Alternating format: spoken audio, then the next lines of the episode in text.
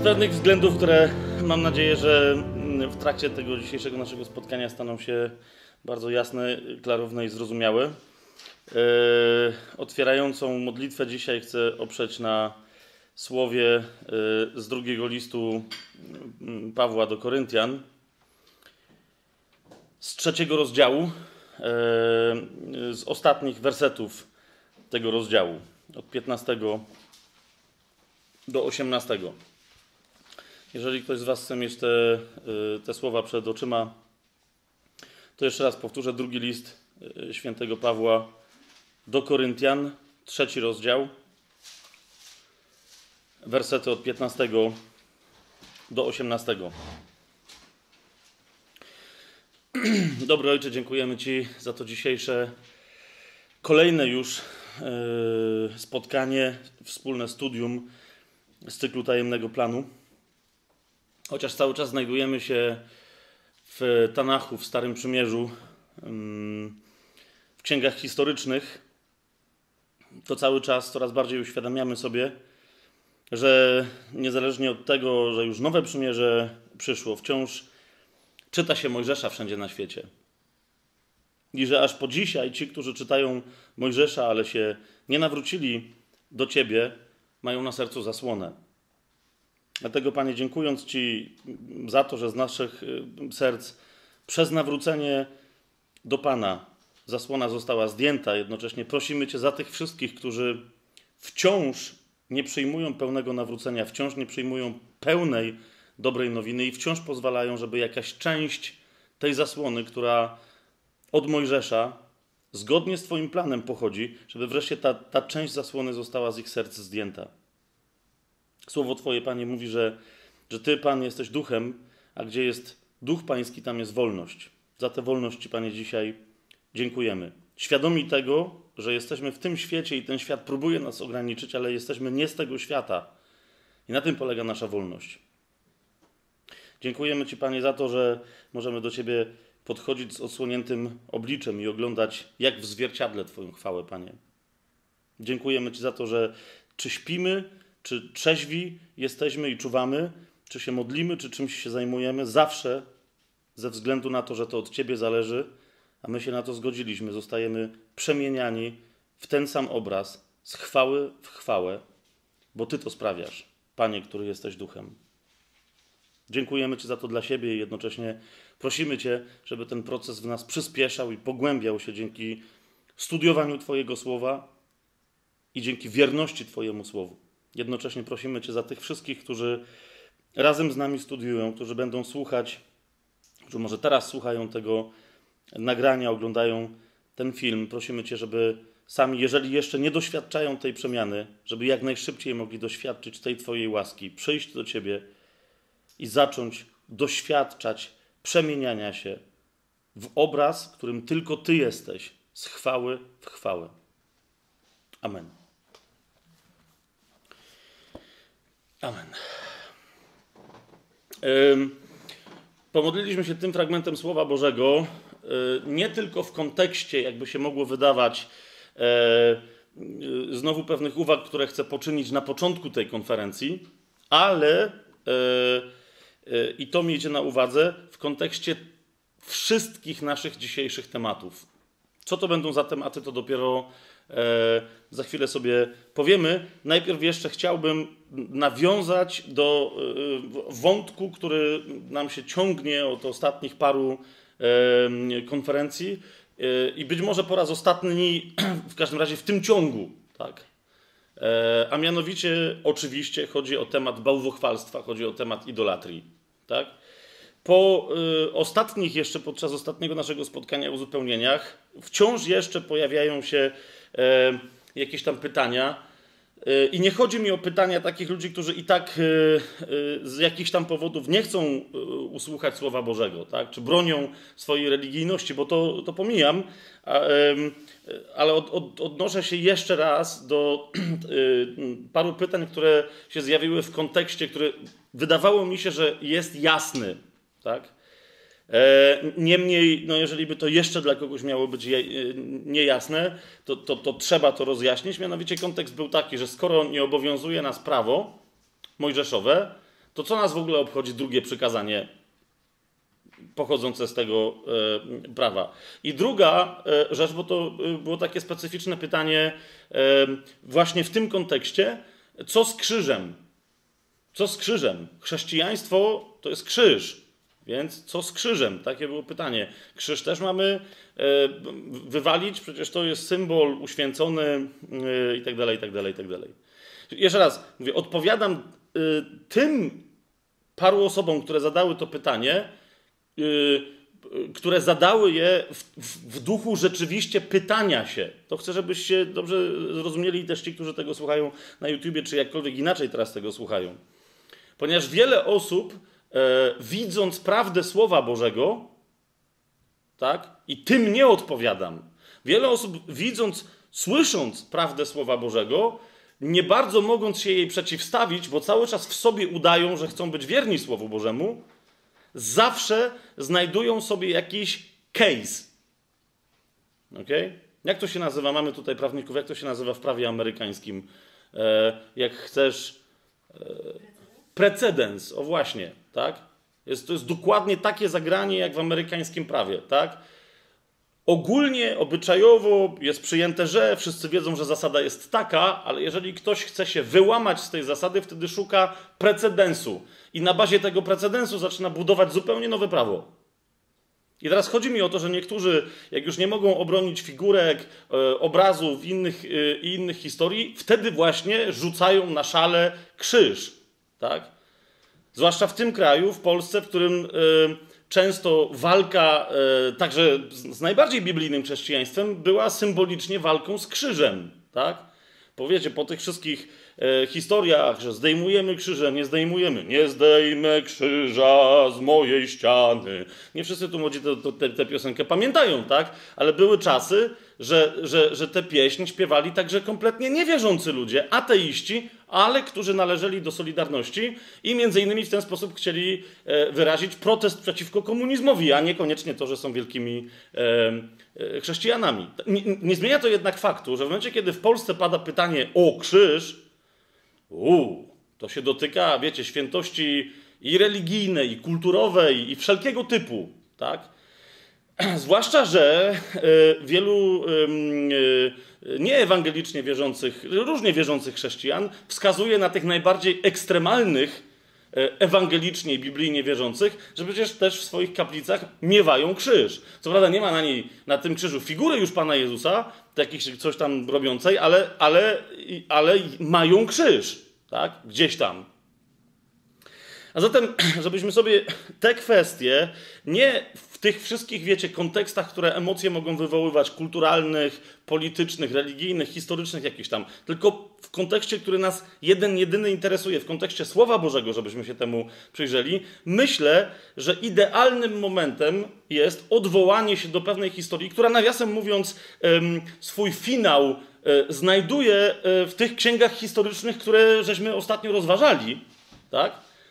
Żeby się odwołać do, do, do symbolu, który, który jest mm, zapowiedzią krzyża w Biblii. Sam Pan Jezus o tym mówi, że, że, że, że to była zapowiedź Jego krzyża. Tak?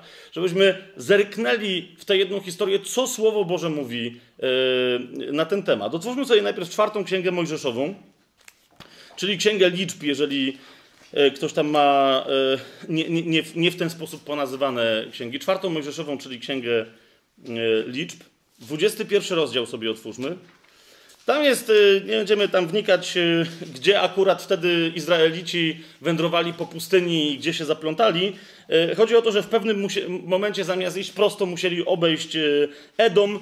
I znów jeszcze raz, będziemy mieli kiedyś osobne rozważanie na temat tego, co oznaczają poszczególne nazwy w Biblii.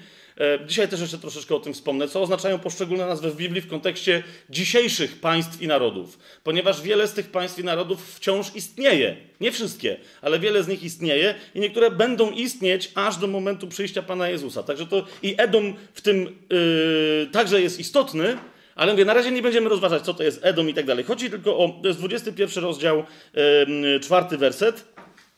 Tak się, to jest króciutka historia. 21 e, rozdział, czwarty werset. Od góry Chor wyruszyli potem ku Morzu Czerwonemu, aby obejść ziemię Edom. Lecz lud zniecierpliwił się w drodze. No i nie będziemy rozważać czemu, co się tam stało, niemniej zniecierpliwili się i zaczął lud mówić przeciw Bogu i przeciw Mojżeszowi. Po co wyprowadziliście nas z Egiptu? Czy po to, abyśmy pomarli na pustyni? Gdyż nie mamy chleba ani wody i zbrzydł nam ten nędzny pokarm. Yy, chodzi o ten pokarm, który dostawali z ręki samego Boga. Rozumiecie?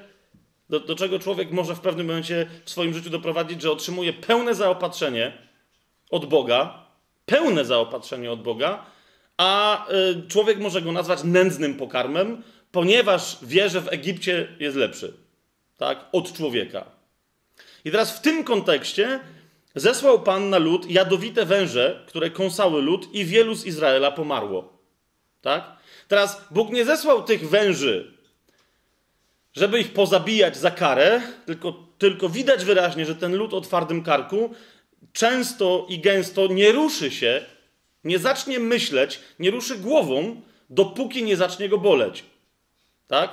W związku z tym, ja myślę, że jakby Pan zesłał węże, które by kąsały, ale ludzie by nie umierali, to byłby tylko ból fizyczny, który widzieliby, że można przeżyć i dalej by jęczeli i narzekali i zawodzili i biadolili. W związku z tym Pan musiał pokazać, że to jest autentyczne zagrożenie. Nie tylko, że jak wąż ukąsi, to będzie boleć, ale ktoś może umrzeć. To może być ktoś z Twoich bliskich. Niemniej zaraz też, no i wtedy właśnie oni ruszyli głową. Przyszedł więc lud do Mojżesza i rzekli: Zgrzeszyliśmy, bo mówiliśmy przeciwko Panu i przeciwko Tobie. Módl się do Pana, żeby oddalił od nas te węże. I modlił się Mojżesz za lud. I wtedy Bóg daje im zbawienie. Zbawienie od węży. Celowo posługuję się słowem zbawienie, nie mówię ratunek, nie mówię lekarstwo, y, po to, żeby wyprzedzić też późniejsze, nasze niekoniecznie dzisiaj, ale w ogóle jakieś nasze przyszłe rozważania na temat, na temat zbawienia, na przykład na temat pewności zbawienia, ale też, żeby ci, którzy dzisiaj w chrześcijaństwie te debaty prowadzą, żeby się zastanowili nad tym, e, kiedy, kiedy się kłócą o pewność czy niepewność zbawienia, e, i rozważają kwestię tejże pewności lub niepewności, żeby zauważyli, że często nie rozumieją słowa zbawienie. Okay? I że ono zawsze oznacza ratunek od czegoś, bycie wybawionym od czegoś. Tak? Otóż, yy, więc lud ma problem z wężami, i Jahwe w odpowiedzi na modlitwę Mojżesza wskazuje im wybawienie z tej opresji, daje im zbawienie. Na czym ono polega? Rzekł Pan do Mojżesza: Zrób sobie węża i osadź go na drzewcu. I stanie się, że każdy ukąszony, który spojrzy na niego, będzie żył. Zauważcie, co się dzieje. ok? Czy y, Bóg daje im lekarstwo, które mają zażywać, e, jakiś proszek, jakiś eliksir, który mają pić i ich uzdrowi? Nie. Czy Bóg daje im jakiś rytuał, jakiś obrzęd, który mają wykonać, religijny, który jeżeli go wykonają, to będą żyć? Nie. Bóg daje im tylko znak. Mniejsza o to teraz, dlaczego taki, a nie inny. Tak? Mniejsza o to, bo będzie kiedy indziej yy, chwila odpowiednia po temu, żeby to rozważyć. Ale Bóg daje im znak, Natomiast mówi: Zbawienne będzie to, że mi uwierzycie. Nie macie nic innego zrobić, tylko spojrzeć na ten znak, który ja wam dałem, i to wystarczy. Będziecie żyć. Tak? To jest jedno, jedyne, czego on oczekuje. Uwierzcie mi. Osadź go na drzewcu, zrób sobie węża, osadź go na drzewcu i stanie się, że każdy ukąszony, który spojrzy na niego, będzie żyć. I zrobił Mojżesz miedzianego węża i osadził go na drzewcu, a jeśli wąż, w domyśle, no nie miedziany, tylko żywy, tak? A jeśli wąż ukąsił człowieka, a ten spojrzał na miedzianego węża, pozostawał przy życiu. I wyruszyli synowie izraelscy i rozłożyli się obozem w obot. To yy, zdanie oznacza, że plaga węży się skończyła, tak? Ci, którzy jeszcze byli pogryzieni przez te węże, które tam zostały, patrzyli na węża miedzianego i natychmiast wracali do zdrowia, te węże się w związku z tym rozpełzły i koniec, tak? Było po pladze. Miedziany wąż nie załatwił żadnej sprawy. Chcę, żeby to było jasne, tak? W tym, co tu mówimy. Bóg załatwił sprawę. Mając tylko lud, jaki miał, dał im znak. Chodziło o to, żeby człowiek wykonał prosty, bo mógł, nie wiem, z przerażenia nie móc mówić i tak dalej, tak? Natomiast jedno e, w tej historii jest jasne, że ludzie mogli nadal patrzeć. tak? Mogli głową ruszać. W związku z tym po ukąszeniu przez węża wystarczyło, że spojrzeli na znak, który dał im Jahwe, ufając Jahwe, tak? I byli uzdrawiani.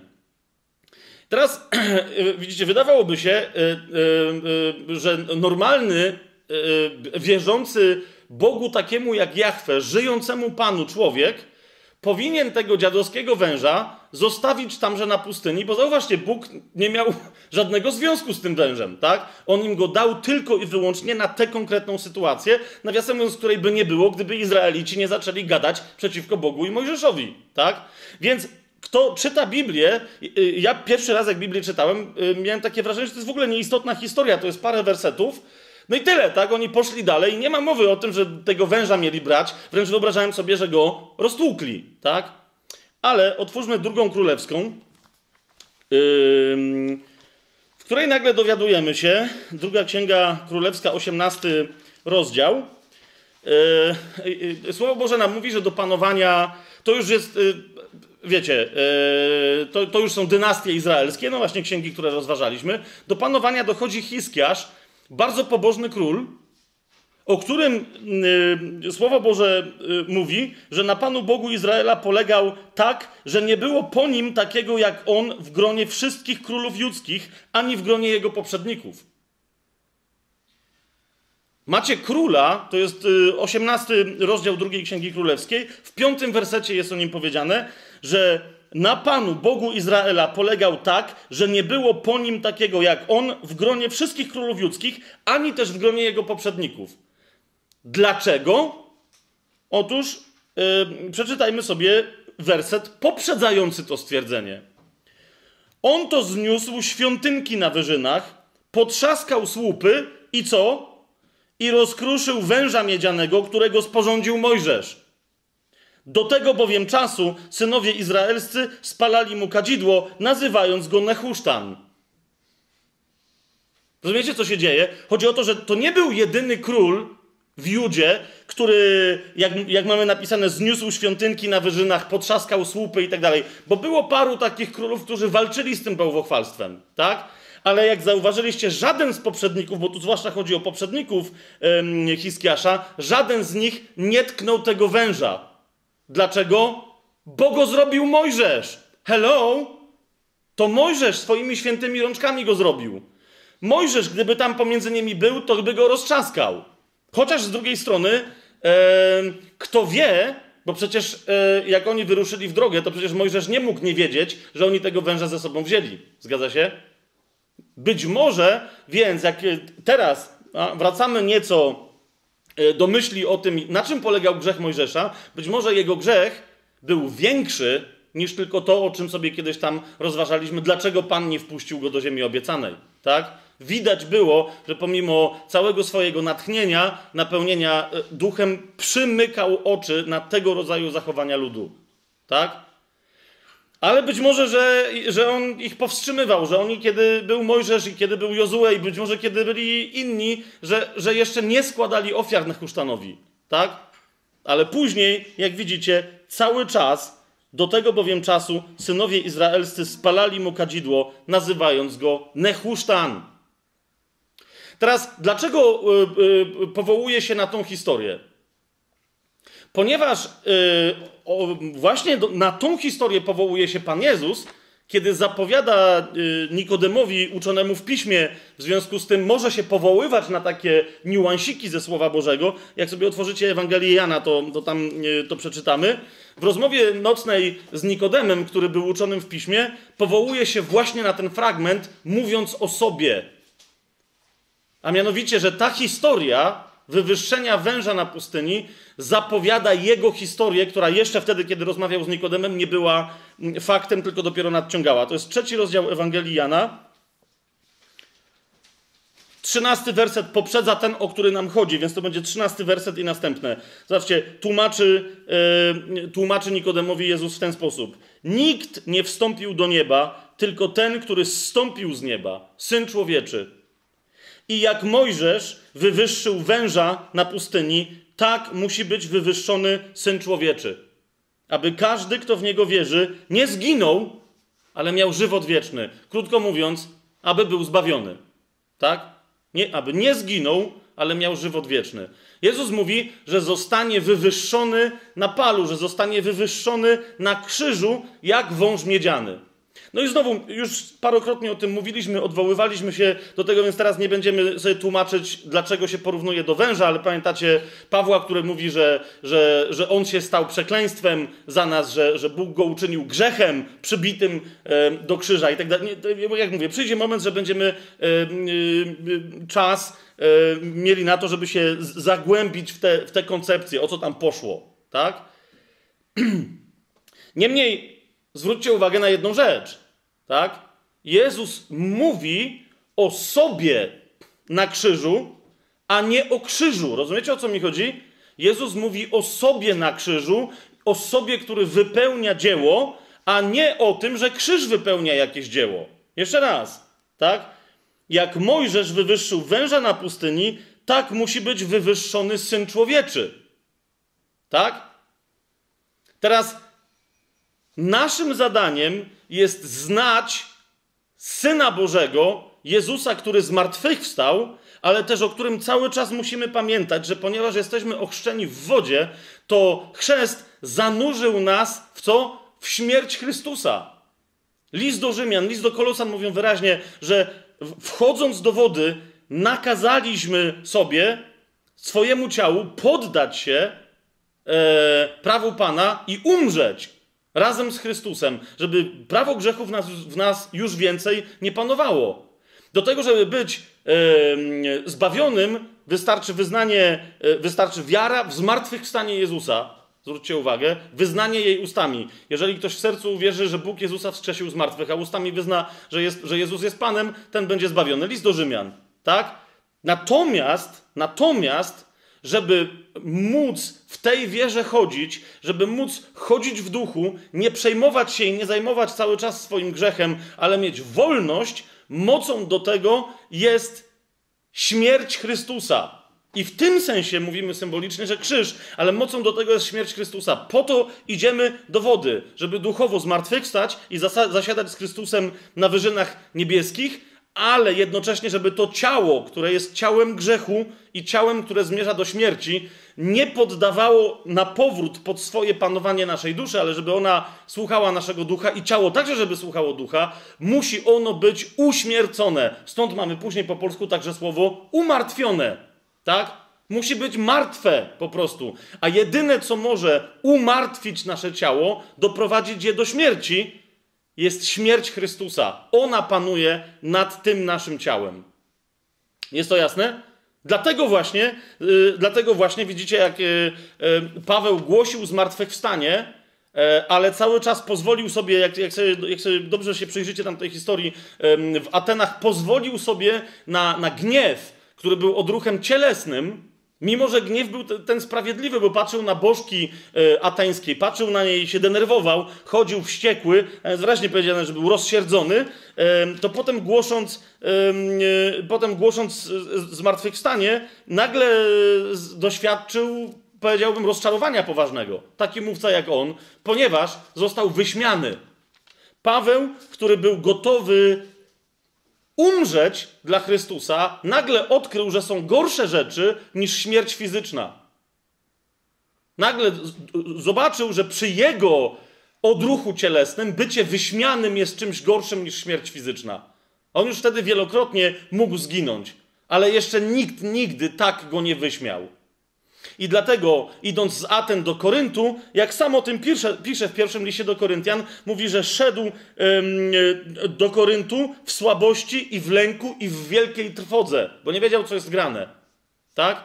Ale idąc tą drogą, zastanawiając się, co jest grane, wtedy do niego dotarło. Tak? Głosimy zmartwychwstałego. Oczekujemy na zmartwychwstałego, aż wróci. Ale to, co daje nam moc w walce ze swoim grzechem, w walce ze swoją słabością, w walce z tym wszystkim, czego się ciało nasze boi, na przykład wyśmianiem, to, co nam daje tę moc, to jest śmierć Chrystusa. I dlatego w pierwszym liście do Koryntian, w drugim rozdziale, mówi: Uznałem za właściwe niczego innego nie znać między wami, jak tylko Jezusa, Mesjasza i to ukrzyżowanego. Tak? Mówi to ten sam Paweł, który w tym samym liście do tych samych Koryntian w 15 rozdziale powie, że oczywiście, że kluczem jest zmartwychwstanie. Tak? Do czego? Do zbawienia, do doświadczenia zbawienia, ale kluczem następnie do naszej drogi uświęcenia jest Chrystus ukrzyżowany. Nie żebyśmy się koncentrowali na jego cierpieniu i na tym, że jest martwy, tak? ale żebyśmy z mocy Jego śmierci korzystali, żeby umartwić nasze ciało, żeby ono i nasza dusza poddały się duchowi, abyśmy mogli chodzić, abyśmy mogli chodzić w duchu. Tak? A zatem to, czego, my potrzebujemy, to znać Chrystusa ukrzyżowanego, a nie zasłaniać się e, krzyżykami, właśnie symbolami, o których mówimy, że to jest to, to wystarczy, tak? Powierzę, że krzyż na ścianie, przyjdzie Wielki Piątek, będę się mu tam kłaniał i tak dalej. Gdyby ci wszyscy ludzie, za każdym razem, którzy całują krzyż Chrystusa, w sensie drewno, rozumiecie, to nie jest krzyż Chrystusa, tylko po prostu dwie deski skrzyżowane, którzy całują te skrzyżowane dwie deski, żeby za każdym razem, kiedy to robią, nawracali się w sercu, to po pierwsze szybko przestaliby to robić, po drugie mielibyśmy inny kraj, tak? Gdyby w każdym z tych domów w których wisi krzyż i w których to jest podstawa, żeby on tam wisiał, ok? Gdyby w każdym z tych domów w Polsce, w których wisi krzyż, była chociaż tylko jedna osoba, która w sercu swoim zna ukrzyżowanego, to Polska już dawno byłaby krajem świecącym zbawieniem. ok? Ponieważ cała reszta od tych ludzi uczyłaby się, że istotne jest znać zmartwychwstałego, a nie zasłaniać się czczeniem nechusztana. Tak? Bo naprawdę to, co. Więc pytanie o krzyż yy, dziś jest jasne jako symbol pewien, żeby zaznaczyć, tu się spotykają chrześcijanie, wszystko gra, tak? Ale jeżeli ktoś zamienia znajomość Chrystusa ukrzyżowanego na oddawanie kultu krzyżowi, to jest dokładnie taki sam grzech. I znowu, jeżeli krzyż ma stanąć pomiędzy mną a Chrystusem ukrzyżowanym i znajomością tego Chrystusa ukrzyżowanego, to ten krzyż, powiem teraz to, co powiem, jest złem. Tak? Nie dlatego, że krzyż jest zły, dlatego, że ci ludzie zamieniają go w bałwana. Tak? W drugim liście do Koryntian, skoro już przy Koryntianach y, jesteśmy w trzecim rozdziale, mówi, o tym, y, mówi o tym Paweł, y, znowu do tych samych Koryntian.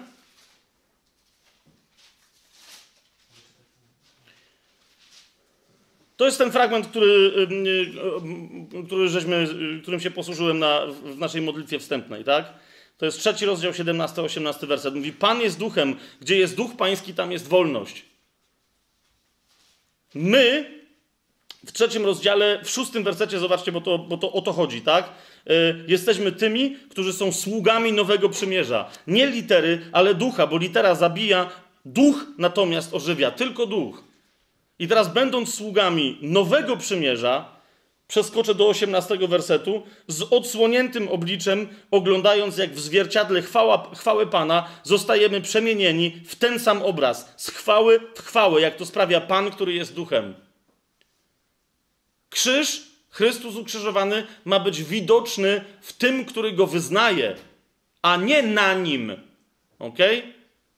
Człowiek ma, ma, ma mnie zobaczyć i, I niekoniecznie on będzie wiedział, skąd ta moc pochodzi, ale dzięki mocy śmierci Chrystusa ma zacząć w sobie doświadczać przemiany, tak? On nie musi wiedzieć, że się spotkał z krzyżem, ale ma doświadczyć mocy krzyża przez to, że ja żyję zmartwychwstałym i ukrzyżowanym Panem. Tak? Przy wieczerzy mamy głosić śmierć pańską, aż przyjdzie. To właśnie na tym polega. Umartwić siebie, to ciało, które i tak musi umrzeć, żeby tym większej chwały dostąpić, kiedy otrzymamy nowe ciało. Jak sobie Łukasza otworzymy, dziewiąty rozdział, Łukasza, współpracownika yy, Pawłowego, bo inni też o tym piszą, ale myślę, u Łukasza to jest, yy, to jest fantastycznie yy, doprecyzowane. Dziewiąty rozdział, 23 werset. Zobaczcie, co, co Jezus tam mówi. Tam Jezus mówi o krzyżu, że krzyż jest ważny. Krzyż stanowi centrum życia chrześcijańskiego. Ale w jakim rozumieniu i w jakim sensie? To jest dziewiąty rozdział Łukasza, 23 werset. I powiedział do wszystkich: Jeżeli ktoś chce pójść za mną, niech się zaprze swojej duszy Ja wiem, że będziecie mieli we wszystkich tych tłumaczeniach, które tam macie, najprawdopodobniej będziecie mieli tłumaczenie niech się zaprze samego siebie, ale e, wierzcie mi, po grecku, tam kiedyś to też będziemy rozważać, tu jest słowo psyche, nie, nie żadnego samego siebie, tak? Zwłaszcza, że w następnym wersecie, jak zobaczycie, to ma sens, tak? Człowiek, który składa się z ducha, z duszy i z ciała, ma być pneumatyczny, to znaczy duchowy, a nie psychiczny, czyli zmysłowy. Jezus nie mówi o jakimś zapieraniu się samego siebie, bo ktoś mógł schizofrenii dostać, tak? Jeżeli by zaprzeczył temu, że jest tym, kim jest. To jest jakiś idiotyzm. Jezus mówi o tym, żeby się zaprzeć tego, co w nas psychiczne, co w nas zmysłowe, ponieważ to, co psychiczne, dąży do poddania się ciału.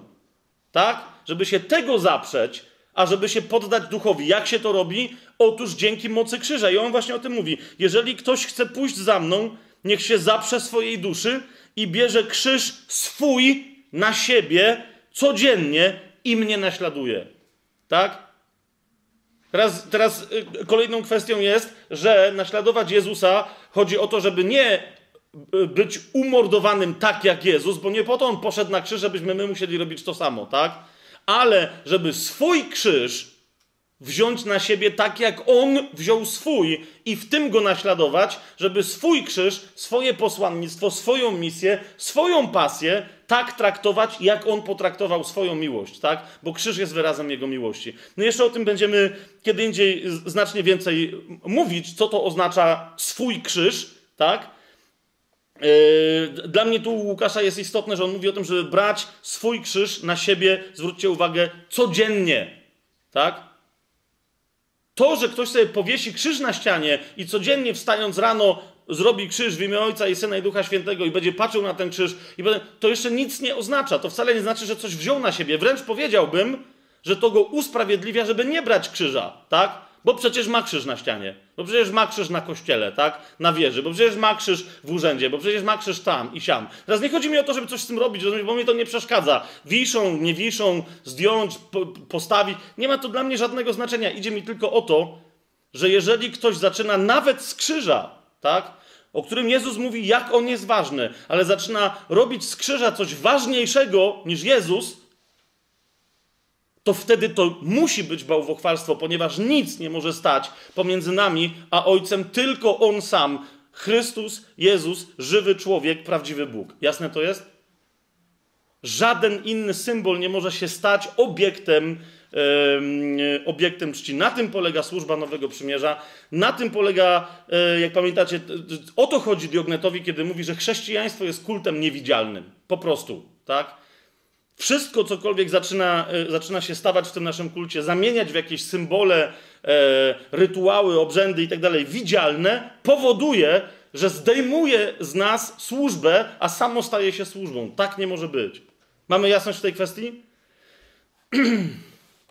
Teraz y, co do y, tej kwestii, bo to było pytanie w kontekście, że no, ale nas, y, nas przecież Stare Przymierzenie obowiązuje na litość boską, no, wielokrotnie o tym mówiliśmy, tak?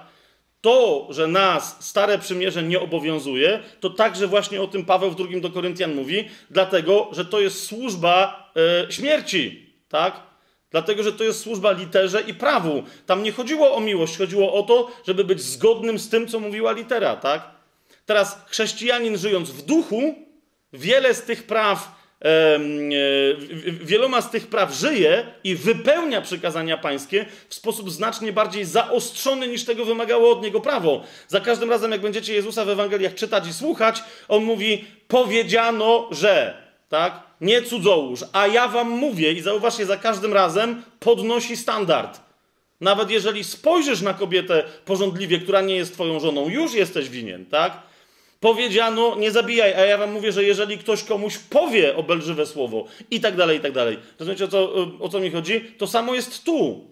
Tak? Jezus wielokrotnie i Paweł i inni o tym, o tym mówią. W Starym Przymierzu było jedno miejsce, w którym należało y, wykonywać kult Boży. Jedno, jedyne. Wszystko inne było zakazane. A Jezus powiedział, ale nadchodzi godzina, powiadam wam, nawet już jest że ojciec chce mieć czcicieli nie tu, ani nie tam, nie w taki czy inny zewnętrzny sposób, ale chce mieć czcicieli w duchu i w prawdzie. Tak? To jest kolejne zaostrzenie standardu. Jezus żadnego z przykazań nie zdjął. Tak? Wszystkie je tylko wyczyścił i podniósł do pełni ideału, który się zawiera w stwierdzeniu, żeby kochać bliźniego, żeby kochać Boga całym swoim sercem, całą swoją duszą, całym swoim umysłem, całą swoją mocą, a swojego bliźniego tak jak siebie samego w tej boskiej miłości. Tak? I teraz między innymi, i, i, faryzeusz tak y, uczony w piśmie powiedział Jezusowi i on powiedział, niedaleko jesteś królestwa, bo jeszcze nie masz ducha, tak? Ale powiedział mu, niedaleko jesteś królestwa. Miłość do Ojca domaga się od nas, żeby mieć z Nim relacje i żeby nic w te relacje nie wpuszczać pomiędzy mnie i Ojca. Mam ducha w sobie, który woła. Pa Paweł mówi, że to jest rękojmia, tak? Że my jesteśmy zapieczętowani Duchem Bożym, który jest w nas złożony, który co w nas nieustannie robi różne rzeczy. Naucza nas, oświeca, prowadzi, według niego mamy chodzić, ale najważniejsza rzecz, którą cały czas robi i której nie przestaje robić, to woła w nas, nawet jak my sobie o tym zapominamy, woła w nas do Boga Abba, Ojcze, Tato. Tak? Dlatego wszystko, cokolwiek staje mi przed oczami i chcę, żeby do tego czegoś zawołać Ojcze, Tato, yy, jest bluźnierstwem, ponieważ duch nie może wołać do żadnej rzeczy w ten sposób. Jego nie interesuje nic innego, jego interesuje tylko w miłości koncentracja na Ojcu. Tak? A do Ojca idzie się w duchu przez Mesjasza, którym jest Jezus z Nazaretu. Tyle. A zatem oczywiście, że, że, że Stare Przymierze nas w żaden sposób nie obowiązuje. Natomiast wypełniamy je, dopóki Pan Jezus nie przyjdzie i znowu nam pewnych rzeczy nie, nie poustawia. Tak? Wypełniamy je tak, jak Słowo Boże nakazuje, a ono wyraźnie mówi, że Bóg nie mieszka e, w żadnych miejscach rękami ludzkimi uczynionymi i, i nie jest e, Bogiem jak, jak, jak bożki fałszywe, którym trzeba rękami ludzkimi e, służyć. Jasne? Dobrze. Teraz. Yy, oczywiście ja sobie zdaję sprawę z tego, że w tych księgach, które mówią o dynastiach yy, yy, izraelskich i, i judzkich, Szczegółów jest tam jeszcze więcej, ale pomyślałem sobie, że parę jakichś takich zagadnień, które mogłyby być interesujące, zostawię sobie na, e, na QA. Na przykład pytanie, dlaczego e, w jednej wersji opowieści o Dawidzie jest powiedziane, że to szatan nakłonił go do tego, żeby, żeby zorganizował spis ludności, a w równoległym opisie e, w księgach kronik jest napisane, że to Jahwe nakłonił Dawida do tego, żeby dokonał spisu ludności. O co tam chodzi? Bo wygląda na jakiś nierozwiązywalny paradoks. Wyjaśnienie jest tak proste, że mnie aż zdumiewa, dlaczego go wielu ludzi nie widzi, ale jak mówię, to y, proste wyjaśnienie, żeby się okazało proste, to by nam tu znowu zajęło nie wiem jak długo. Podobnie ma się kwestia z tymi pytaniami o Elizeusza, że zrobił to albo że zrobił tamto, że płaszcz na niego spadł, że miał podwójne namaszczenie i tam, y, i tam inne historie. Znowu, myślę, że te pytania sobie zostawimy na QA. Okay? E, natomiast wyjdziemy już e, z tej historii no, królów izraelskich to już sobie troszkę jakiś czas temu zostawiliśmy, bo ich Samaria wcześniej pożarła, ale teraz wyjdziemy także z historii e, królów judzkich e, i przejdziemy do trzech ksiąg, dlatego mamy dzisiaj y, dosyć takie, wiecie, e, poważne zadanie, ponieważ ch chcę Y, trzy księgi bardzo mocno ze sobą związane w jednej konferencji y, opisać, a tym samym, uwaga, dokończyć chronologiczny opis historii Izraela przed przyjściem Pana Jezusa. Więc y, mamy dosłownie kawał historii do załatwienia. Literalnie chodzi nam o księgi Ezdrasza, Nehemiasza i Estery. W związku z tym, w związku z tym tam sobie Przeskoczymy.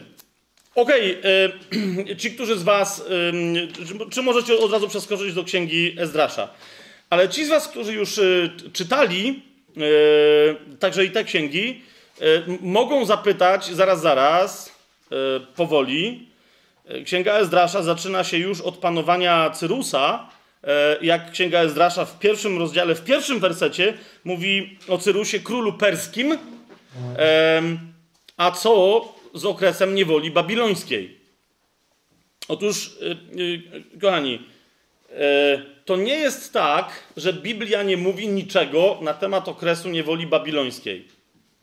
Bo mówi, ale mówi w nieco innym niż historyczny tylko, yy, niż historycznym tylko kontekście. Tak? Babilon się pojawia, yy, począwszy od Jeremiasza, który zapowiada niewolę babilońską, potem się pojawia u Ezechiela, pojawia się u Daniela, który jest prorokiem zamieszkującym w niewoli babilońskiej. Tak? Ale z punktu widzenia, to jest bardzo interesujące, opisu tego, jak Bóg rozumie historię, okazuje się, że niewola babilońska nie ma dla niego prawie w ogóle żadnego znaczenia, mimo że trwała 70 lat. Jak macie otwartą księgę Ezdrasza, to sobie przekręćcie kartkę wcześniej. Otwórzmy koniec yy, drugiej księgi Kronik.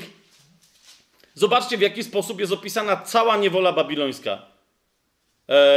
I sobie to wyjaśnimy, dlaczego tak tu jest, bo też z tego powodu y, na razie temat niewoli babilońskiej pomijamy.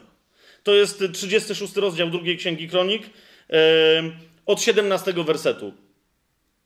To też sprowadził na nich króla chaldejskiego, czyli babilońskiego, który pobił mieczem ich pierworodnych w ich świętym przybytku, nie oszczędzając ani młodzieńców, ani dziewic, ani starców, ani sędziwych. Wszystkich wydał Pan w jego ręce.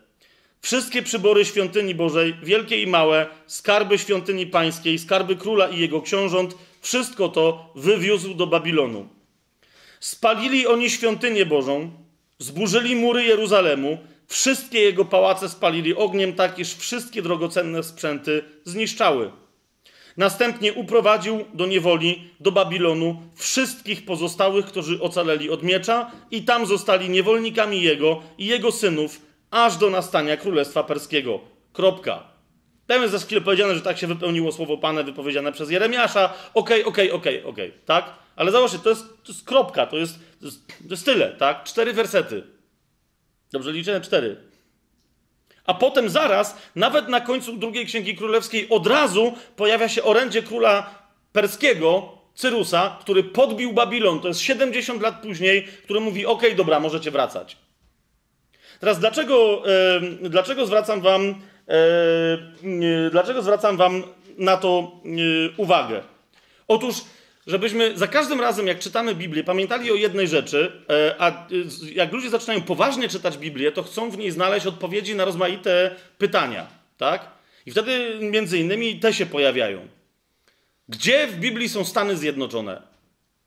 Jak y, Biblia opisuje to, albo tamto, albo coś tam jeszcze, tak? Co się, co się dzieje? Dlaczego Biblia, skoro Biblia... I tak dalej. Otóż Nikt nigdy nie powiedział, na pewno Biblia tego tak o sobie nigdy, nigdzie nie mówi, że Biblia jest księgą, która opisuje całą historię świata, całego świata. Tak? Biblia opisuje historię świata w jednym tylko konkretnym kontekście, tak?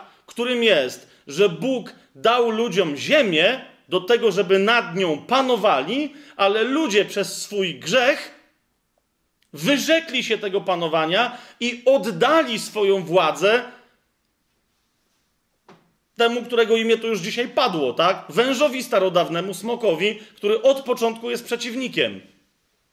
I teraz chodzi o to, że Biblia opisuje Boga, który szanuje wszystkich, szanuje ludzi, szanuje prawo, które ustanowił dla tej ziemi i dla tych epok, w których, w których ludzkość żyje, nawet w tym wszystkim szanuje szatana właśnie dlatego, że jest wierny swojemu słowu i prawu, które ustanawia. W związku z tym yy, nie wchodzi i nie bawi się ludzkością, swoimi stworzeniami, wszystkim tak o, tak, bam, bam, bam, bam, dobra, teraz se przestawi i tak dalej, ponieważ nikt z nas nie mógłby mu wierzyć, że jest wierny i że jest sprawiedliwy. Że jak coś powiedział, to to zostanie zachowane. Szuka Bóg rozwiązania, które będzie rozwiązaniem zgodnym z tymi prawami, które ustanowił. Tak? A więc cały jego tajemny plan polega na tym, że skoro człowiek oddał swoją władzę, ma wrócić człowiek, ma przyjść człowiek, który tę władzę odzyska. I dlatego, ponieważ taki człowiek nie może przyjść, bo wszyscy jeden z drugiego yy, zarażają się, że się tak wyrażę, i nie chodzi tu, pamiętacie o tym dobrze, nie chodzi mi o grzech pierworodny, ale zarażają się grzechem, żyją w stanie upadłego ciała, ponieważ cały świat jest upadły, on sam staje się człowiekiem, żeby dokonać pełnej, prawnej rekapitulacji, pełnej, prawnej, pełnego prawnego odzyskania, odkupienia ludzkości. Tak? Zapłacenia długu, który miał być do zapłacenia, złożenia tej jednej ofiary, która znowu zmienia całą historię, tak? I przywraca ludziom władzę. A zatem historia opowiadana w Biblii jest historią istotną dla zbawienia człowieka, tak? i jest historią przywrócenia ponownego panowania Boga w człowieku na ziemi. Tak? To się w pełni zrealizuje wraz z powrotem Jezusa jako człowieka, Boga człowieka, ale w ciele swoim, który przyjdzie jako Mesjasz uwielbiony, żeby zasiąść na, na tronie Dawidowym i władać całą ziemią. Tak? I teraz widzicie, y, nie wiem dlaczego tak jest, ale miejmy świadomość, że dla tej historii, ponieważ Biblia tylko i wyłącznie o tym, co jest istotne dla tej historii opowiada, tak? A nie o tym na przykład, yy, że Kolumb ponoć odkrył Amerykę, czy i tak dalej, albo że ktoś gdzieś poleciał na Księżyc, czy coś. coś. To są rzeczy, które mogą nas fascynować w historii ludzkości, tak? ale one są nieistotne najwyraźniej dla tej jedynej sensownej historii, o której opowiada Biblia, tak? Dlatego wielu wielkich, sławnych ludzi i wiele niezwykłych wydarzeń w ludzkości w Biblii w ogóle nie ma miejsca. Tu akurat, kiedy będziemy rozważać Ezdrasza, kiedy będziemy rozważać Nehemiasza czy Esterę, to jest bardzo interesujące, pojawiają się postaci znane z historii. Cyrus, Dariusz, Xerxes, Artaxerxes, tak? Bardzo konkretne osoby pokazane w zupełnie innym świetle, tak? Ale znowu, co bardzo interesujące, pokazane jako nie do końca istotne z punktu widzenia Boga. W sensie istotne, dlatego że Bóg ich powołuje, coś tam im każe robić, ale jakby, rozumiecie, dopóki oni nie są w pełni wierzący, dopóki nie oddają mu swojego serca i go nie rozpoznają, to są tylko narzędziami w jego rękach, tak? Bóg nam pokazuje zupełnie inną, zupełnie inną e, perspektywę. I teraz jeszcze raz, w całej tej historii, jeszcze raz powtarzam, nie wiem dlaczego tak jest, chociaż Biblia w wielu miejscach to tłumaczy, ale nie, dla, dla, dla potrzeb tego dyskursu powiem, nie wiem dlaczego tak jest, ale centrum geograficznym tej historii jest Jeruzalem. Ok? Centrum geograficznym tej historii jest Jeruzalem od początku do końca. Tak? Włącznie z tym, że ostatecznie kiedyś na nową ziemię pod nowym niebem stąpi nowe Jeruzalem. Tak? Centrum geograficznym tej historii jest Jeruzalem. Im bliżej Jeruzalem, tym y, więcej y, geograficznie narodów, państw, granic, czegoś tam, tym więcej tego jest w Biblii, bo siłą rzeczy muszą być te narody, te historie powiązane z tą jedną, główną, najważniejszą historią wszechświata. Rozumiemy się, o, o co mi chodzi? I dlatego przykro mi jest bardzo, jeżeli Amerykanie mówią, my jesteśmy mocarstwem światowym, gdzie my jesteśmy w Biblii? a za chwilę się rzucają, że, że bo najwyraźniej nas chyba nie ma. A na przykład taka durna Etiopia jest? Co zrobić? Co zrobić? Jest. Ponieważ będzie ważna w czasach, kiedy Stany Zjednoczone być może już przestaną istnieć. Tak? Jest Egipt, jest Iran, jest Irak, tak? Jest Syria, jest Turcja, Ba, i to denerwuje troszeczkę tych, którzy znają, bo w Stanach Zjednoczonych mnóstwo ludzi zna Biblię, tak? To ich denerwuje, że najwyraźniej wszystko wskazuje na to, że jest masa ludów słowiańskich na czele yy, powiązanych z, z Rosją, tak? Wszystko wskazuje na to, że o Rosję chodzi. Wręcz z, z nazwy są wymienione Chiny, tak? Ale nie ma Stanów Zjednoczonych. Dlatego ja mam wrażenie, że niektórzy bardzo by chcieli, żeby może chociaż, nie wiem, ta, ta bestia babilońska, żeby to chociaż były Stany Zjednoczone, żeby jakieś miały. Ej, ej. Swoją drogą wiele wskazuje na to, że Babilon w Biblii to jest Babilon, tak? I, ale to o tym też będziemy mówić yy, kiedy indziej. Zatem jeszcze raz, tak? Nie wszystko musi być opisane w Biblii, nie wszystko ma znaczenie dla tej historii, którą opisuje Y, którą opisuje y, Biblia. E, te trzy księgi, które teraz będziemy rozważać, y, pokazują historię od czasów powstania potężnego imperium e, perskiego. E, niezależnie od tego, co różni ludzie, jakie historie opowiadają, to być może z wyjątkiem imperium brytyjskiego, E, jeżeli potraktować jako rzeczywiście spójną całość Australię, Kanadę, te wszystkie tereny, które Wielka Brytania miała na całym, miała na całym świecie, to Imperium Perskie, o którym tutaj będzie dużo mowy, było największym imperium w historii wszechdziejów.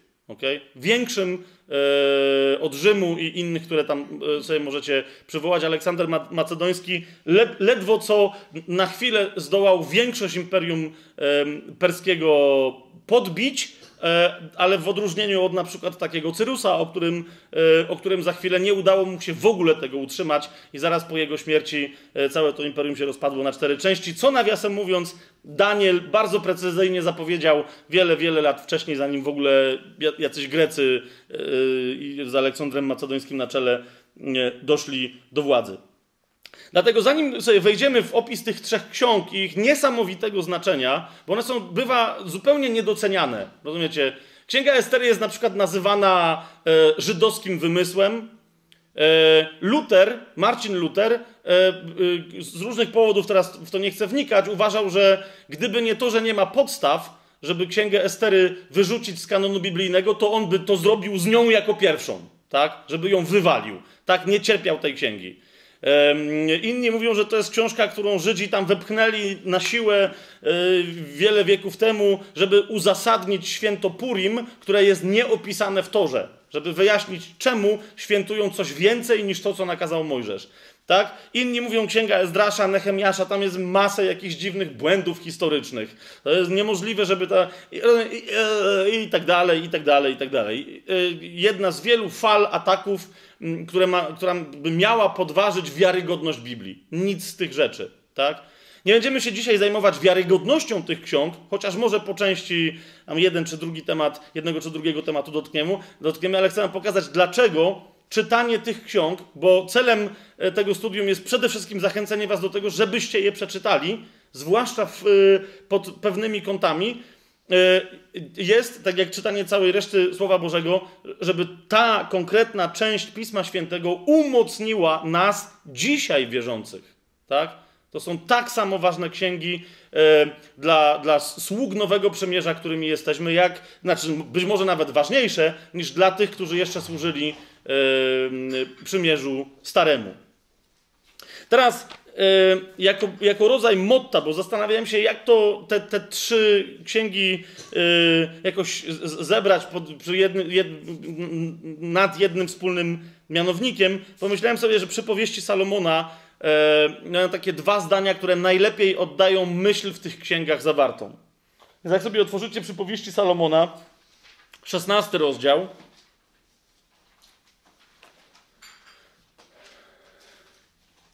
to, to chcę wam powiedzieć, jak będziecie czytać Księgę Ezdrasza, Księgę Nehemiasza, a może nawet zwłaszcza właśnie Księgę Estery, istotną rzeczą jest, żeby pamiętać e, o, o, o tych, e, w, tych zdaniach, które teraz chcę, żebyśmy wspólnie przeczytali.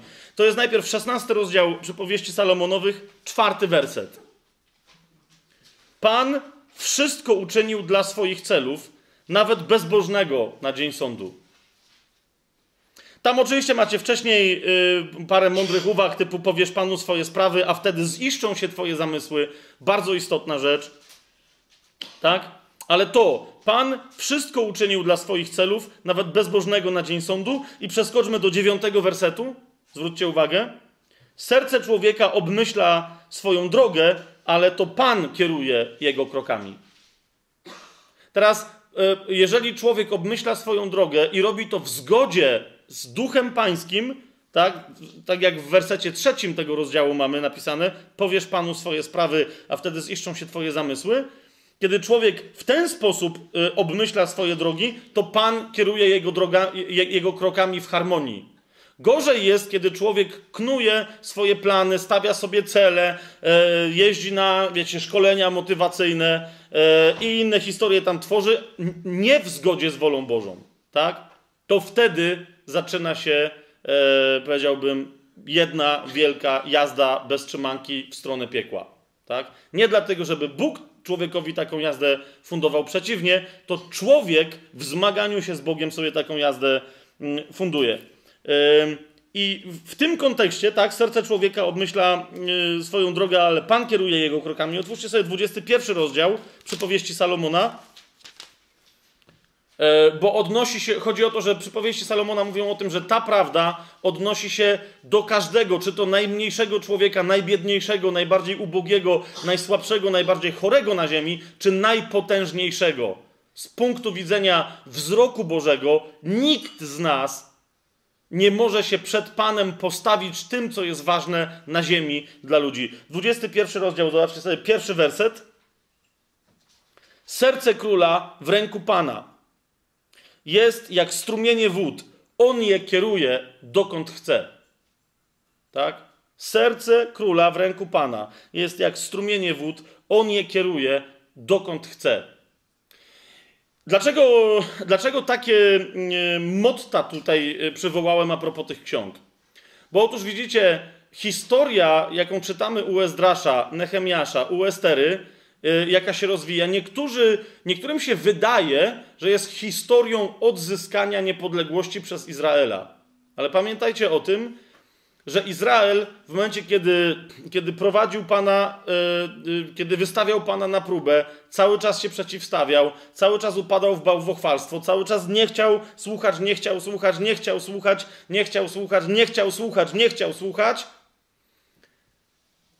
i poszedł na niewolę babilońską, Potem los jego mógł się poprawić, ale nigdy Izrael nie odzyskał niepodległości, a zawsze był podległy jakiemuś mocarstwu, jakiemuś imperium, jakiemuś władztwu, które było bezbożne.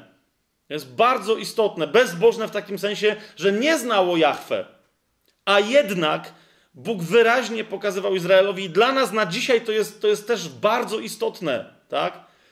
Dla nas dziś, w tym świecie żyjących chrześcijan, że, że my, nawet jeżeli świat powie, że my jesteśmy nieważni, jeżeli świat nas wytnie i, i, i, i nikt nas nie będzie znał, liczą się tylko te czyny, które podobają się w oczach Bożych. E, potem jeszcze troszkę więcej mm, o tym powiem, ale, ale ostatnią rzeczą, jakiej my się mamy bać, to, to, to jest władza ludzka, ponieważ ona nadal od początku do końca znajduje się w rękach Pana.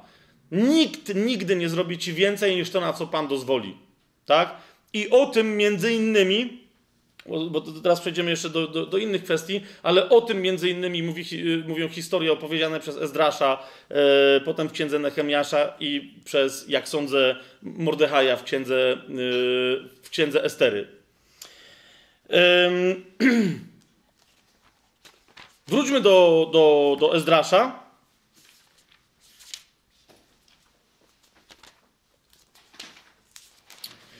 I tutaj jedną rzecz sobie musimy zaraz na wstępie, yy, zaraz na wstępie wyjaśnić. Czyli yy, mieliśmy niewolę babilońską. Jak powiadam, yy, sam Babilon z punktu widzenia pańskiego i to, co Izrael tam wyprawiał, najwyraźniej w ogóle nie, nie, nie, nie jest warte opowiadania. Są warte opowiadania te rzeczy, które ma do powiedzenia, że się tak wyrażę, z Babilonu, tak? Ezechiel czy Daniel, ale również to, co się tam działo na przykład z królem yy, Nabuchodonozorem w, w, tych naszych tłumaczeniach zwanych Nebukadnezarem, tak? To jest, to jest wszystko bardzo, yy, bardzo istotne. Niemniej chcę Wam zwrócić uwagę na to, jak bardzo potrzebujemy czytania całego Pisma Świętego, ponieważ Bóg w odróżnieniu od nas nigdy pod żadnym pozorem, nawet jeżeli dokonuje nie wiem jak fascynującego dzieła, nigdy się nie popisuje. Ok? I nawet jeżeli dokonuje genialnego dzieła na naszych oczach, jeżeli nie zechcesz go dostrzec, to on ci nie będzie podkreślał, poprawiał ostrości obrazu. Jeden, jednym z takich elementów często niezwykle po prostu tak puszczanych, rozumiecie, jakby to, był, e, jakby to było nic, a, a, jest to, a jest to jedno z, z mojego punktu widzenia z większych historycznych wydarzeń, jest opisane właśnie w księdze Ezdrasza w pierwszym rozdziale, w pierwszym wersecie, ale żeby to zrozumieć, będziemy się musieli e, e, przejść gdzie indziej. Pierwszy, pierwszy werset pierwszego rozdziału księgi Ezdrasza zaczyna się od przywołania Cyrusa, króla perskiego. Otóż zanim y, sięgniemy dalej do Słowa Bożego, chcę, y, oczywiście, bo tutaj jest wiele osób, y, które znają historię, to, to, to, to, to, znacie ją pewnie niektórzy znacznie w większych szczegółach niż ja ją teraz opowiem, ale chcę te, tylko przywołać pewne rzeczy oraz tym, którzy nie wiedzą, przypomnieć to, co jest istotne, o czym wiemy z historii. Otóż Cyrus a jeżeli ktoś z Was nie zna tej historii, to polecam Wam, żebyście sobie poczytali wszystko to, co jest możliwe do odkrycia i do dowiedzenia się e, na temat Cyrusa. Otóż Cyrus pokonał Babilon. Okay? Całe królestwo chaldejskie, całe mocarstwo chaldejskie. I teraz uważajcie. Jednym z elementów jego zwycięstwa dziś, chodzi oczywiście o Cyrusa II, zwanego Cyrusem Wielkim albo Cyrusem Starszym E, jest to dziś postać przywoływana przez takie organizacje, jak na przykład Organizacja Narodów Zjednoczonych. Jego pozostałości historyczne są demonstrowane dzisiaj na świecie nie bez przyczyny, jako symbole zjednoczenia całego świata. Są organizacje, które na przykład mówią, że to Cyrus Wielki był pierwszym, który wprowadził nowoczesną myśl polityczną do prowadzenia państwa. Pluralizm, tolerancję dla różnych wyznań, różnych orientacji itd., tak itd. Tak z Cyrusa robi się kogoś takiego. Okay? Robi się z niego wielkiego taktyka. E, Aleksander Macedoński ponoć był nim niezwykle zachwycony, ale jak się przyjrzymy tym faktom, chociażby od Herodota, e, które on opisuje, ale nie tylko, tak, które mamy, to okazuje się, że wiele z jego bitew było wygranych bez zderzenia się miecza z mieczem, a tarczy z tarczą. Tak? Okazuje się, że w kluczowych momentach Cyrus, mając garstkę wojska naprzeciwko potężnych armii, wygrywał, ponieważ potężne armie przechodziły na jego stronę. Rozumiecie? Ni stąd, ni zowąd. To jest tak, jakby Polacy pod Grunwaldem stanęli naprzeciwko Krzyżaków i teraz wszystkie te nacje, które przyłączyły się do Krzyżaków, wszyscy ci rycerze z zachodu przeszli na polską stronę. No to po prostu Krzyżacy by nawet nie walczyli, o to chodzi, tak? Bo ich tam aż tylu nie było. Cyrus w ten sposób wygrywał. Jednym z najbardziej zdumiewających, jedną z najbardziej zdumiewających historii jest to, że zdobył Babilon bez wystrzelenia chociażby jednej strzały. Babilon, o którym nie bez przyczyny mówiło się, że jest niezwyciężony. Dlaczego? Ponieważ ma mury niezdobyte, ponieważ ma zasoby wody, które nie mogą yy, pozwolić wyschnąć Babilonowi. Przez Babilon płynęła rzeka, tak? Pod murami babilońskimi wpływała potężna rzeka i spod nich wypływała. Mieli więc wodę. Jak mieli wodę, mieli w środku uprawy. Znacie te wszystkie ogrody tarasowe, te wszystkie koncepcje, tak? Po prostu mieli jedzenie, mieli picie, mogli się bronić wiekami. A Cyrus wszedł do Babilonu bez wystrzelenia chociażby tylko jednej strzały jak y, to opisuje Herodot, ale też inni, Józef Flawiusz i tak dalej, powiadają, że y, tam, bo, bo tam y, rzeka, która przepływała przez Babilon wyżej, rozchodząc się z inną, nieopodal, nieopodal znajdował się kanał, bardzo sprytnie Cyrus, niekoniecznie on na to wpadł, tylko ktoś tam podsunął mu pomysł, żeby zmienić bieg rzeki. Tak? Teraz rzeka poszła na jakiś czas innym kanałem i innym korytem, ale złożyło się wszystko tak genialnie, że w momencie, kiedy wojsko Cyrusa obozowało pod Babilonem, kiedy zapadł zmrok, poziom wody zaczął się zniżać, ale nikt tego nie zauważył w Babilonie. I opadł do takiej wysokości, że woda w tej rzece była do wysokości połowy łydki yy, żołnierza perskiego, tak? W związku z tym żołnierze perscy weszli do Babilonu korytem rzeki. Tam, gdzie normalnie był ostry, rwący prąd, którego nie był w stanie wytrzymać nawet koń, tak? I teraz, dlaczego ja wam o tym wszystkim yy, opowiadam? Bo tak Cyrus yy, wszedł do Babilonu yy, i tak się rozpoczyna historia potężnego imperium y, medoperskiego. Otóż zwróćcie uwagę, co pisze Ezdrasz w pierwszym rozdziale, w pierwszym wersecie swojej księgi. W pierwszym roku panowania Cyrusa, króla perskiego, to jest właśnie wtedy, kiedy pobił Babilon, aby się spełniło słowo Pana wypowiedziane przez usta Jeremiasza, pobudził Pan ducha Cyrusa.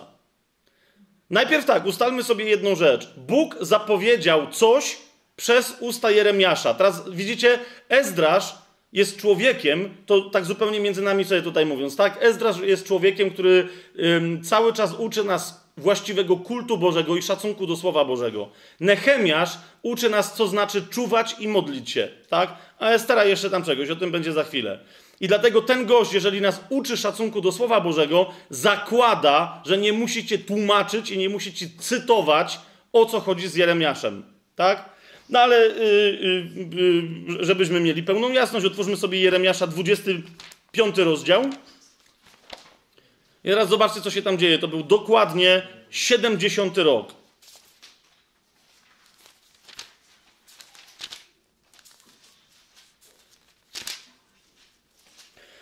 To jest 25 y, rozdział Jeremiasza i do, do tego, ale nie tylko do tego fragmentu odwołuje się Ezdrasz. To jest 25 rozdział, 9 werset i następne. Pan przez Jeremiasza zanim w ogóle ktoś słyszał o jakichś Persach, powiedział następującą rzecz.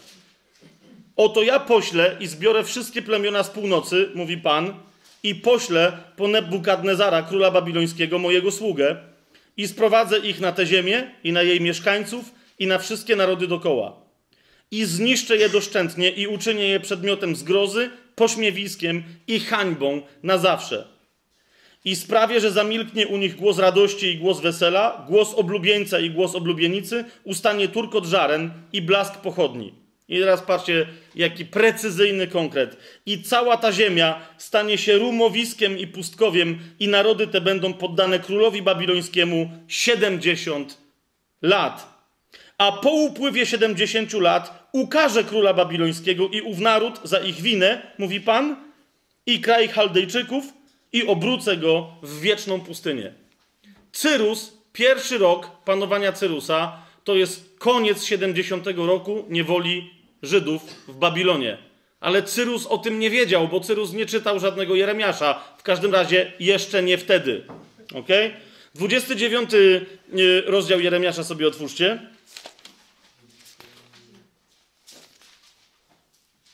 Dziesiąty werset.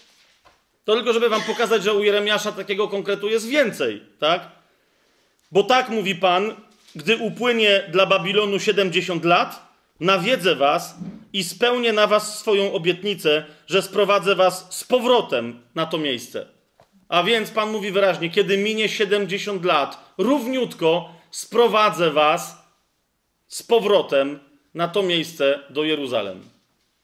A teraz widzicie, e, między innymi, między innymi mając taki dokument jak cylinder Cyrusa, który się znajduje, normalnie to jest, wiecie, e, znalezisko, wykopalisko, które dzisiaj się znajduje w British Museum e, w Londynie. Tam między innymi z tego dokumentu przetłumaczonego już chyba w XIX wieku wiemy, że Cyrus wypuścił wiele narodów, które zostały zniewolone przez Babilon, ale za bardzo konkretnymi opłatami. Lub za obietnicą e, służenia bogom tychże narodów dla Cyrusa. Tak? Nie będę teraz, to, krótko mówiąc, trzeba było bardzo poważną zapłatę obiecać Cyrusowi. Tak? Tymczasem Ezdraż, jak za chwilę e, czytając e, się dowiecie, bo e, po pierwszym wersecie następują kolejne, które mówią, że Cyrus pozwolił Izraelitom wrócić do Jerusalem, żeby odbudować świątynię. I nigdzie w Biblii nie znajdziecie stwierdzenia, że kazał cokolwiek za to zapłacić, że kazał Izraelitom odprawiać nabożeństwa w swojej intencji, jak kazał wszystkim innym. Nic takiego.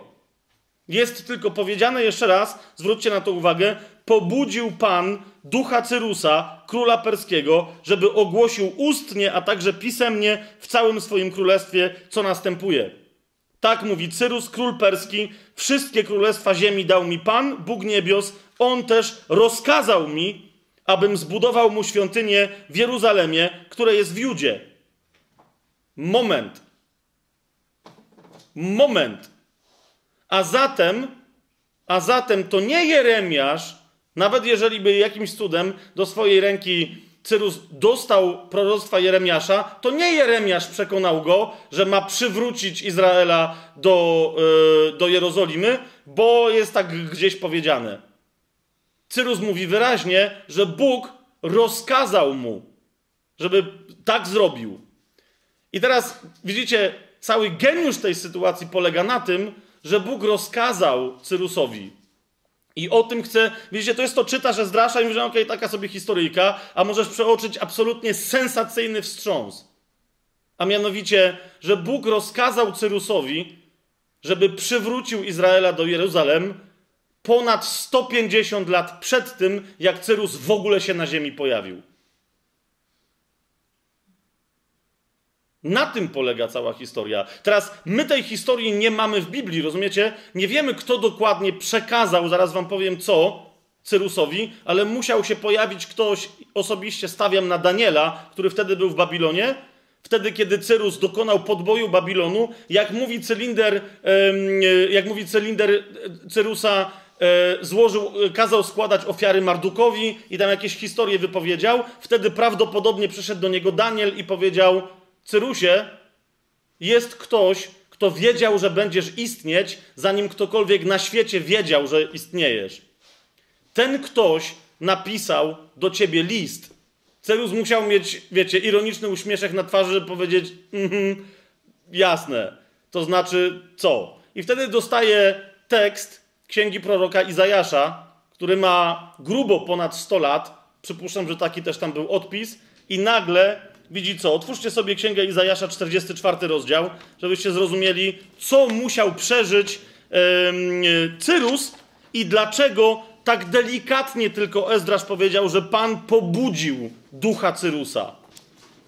Otwórzcie sobie Księgę Izajasza, 44 rozdział.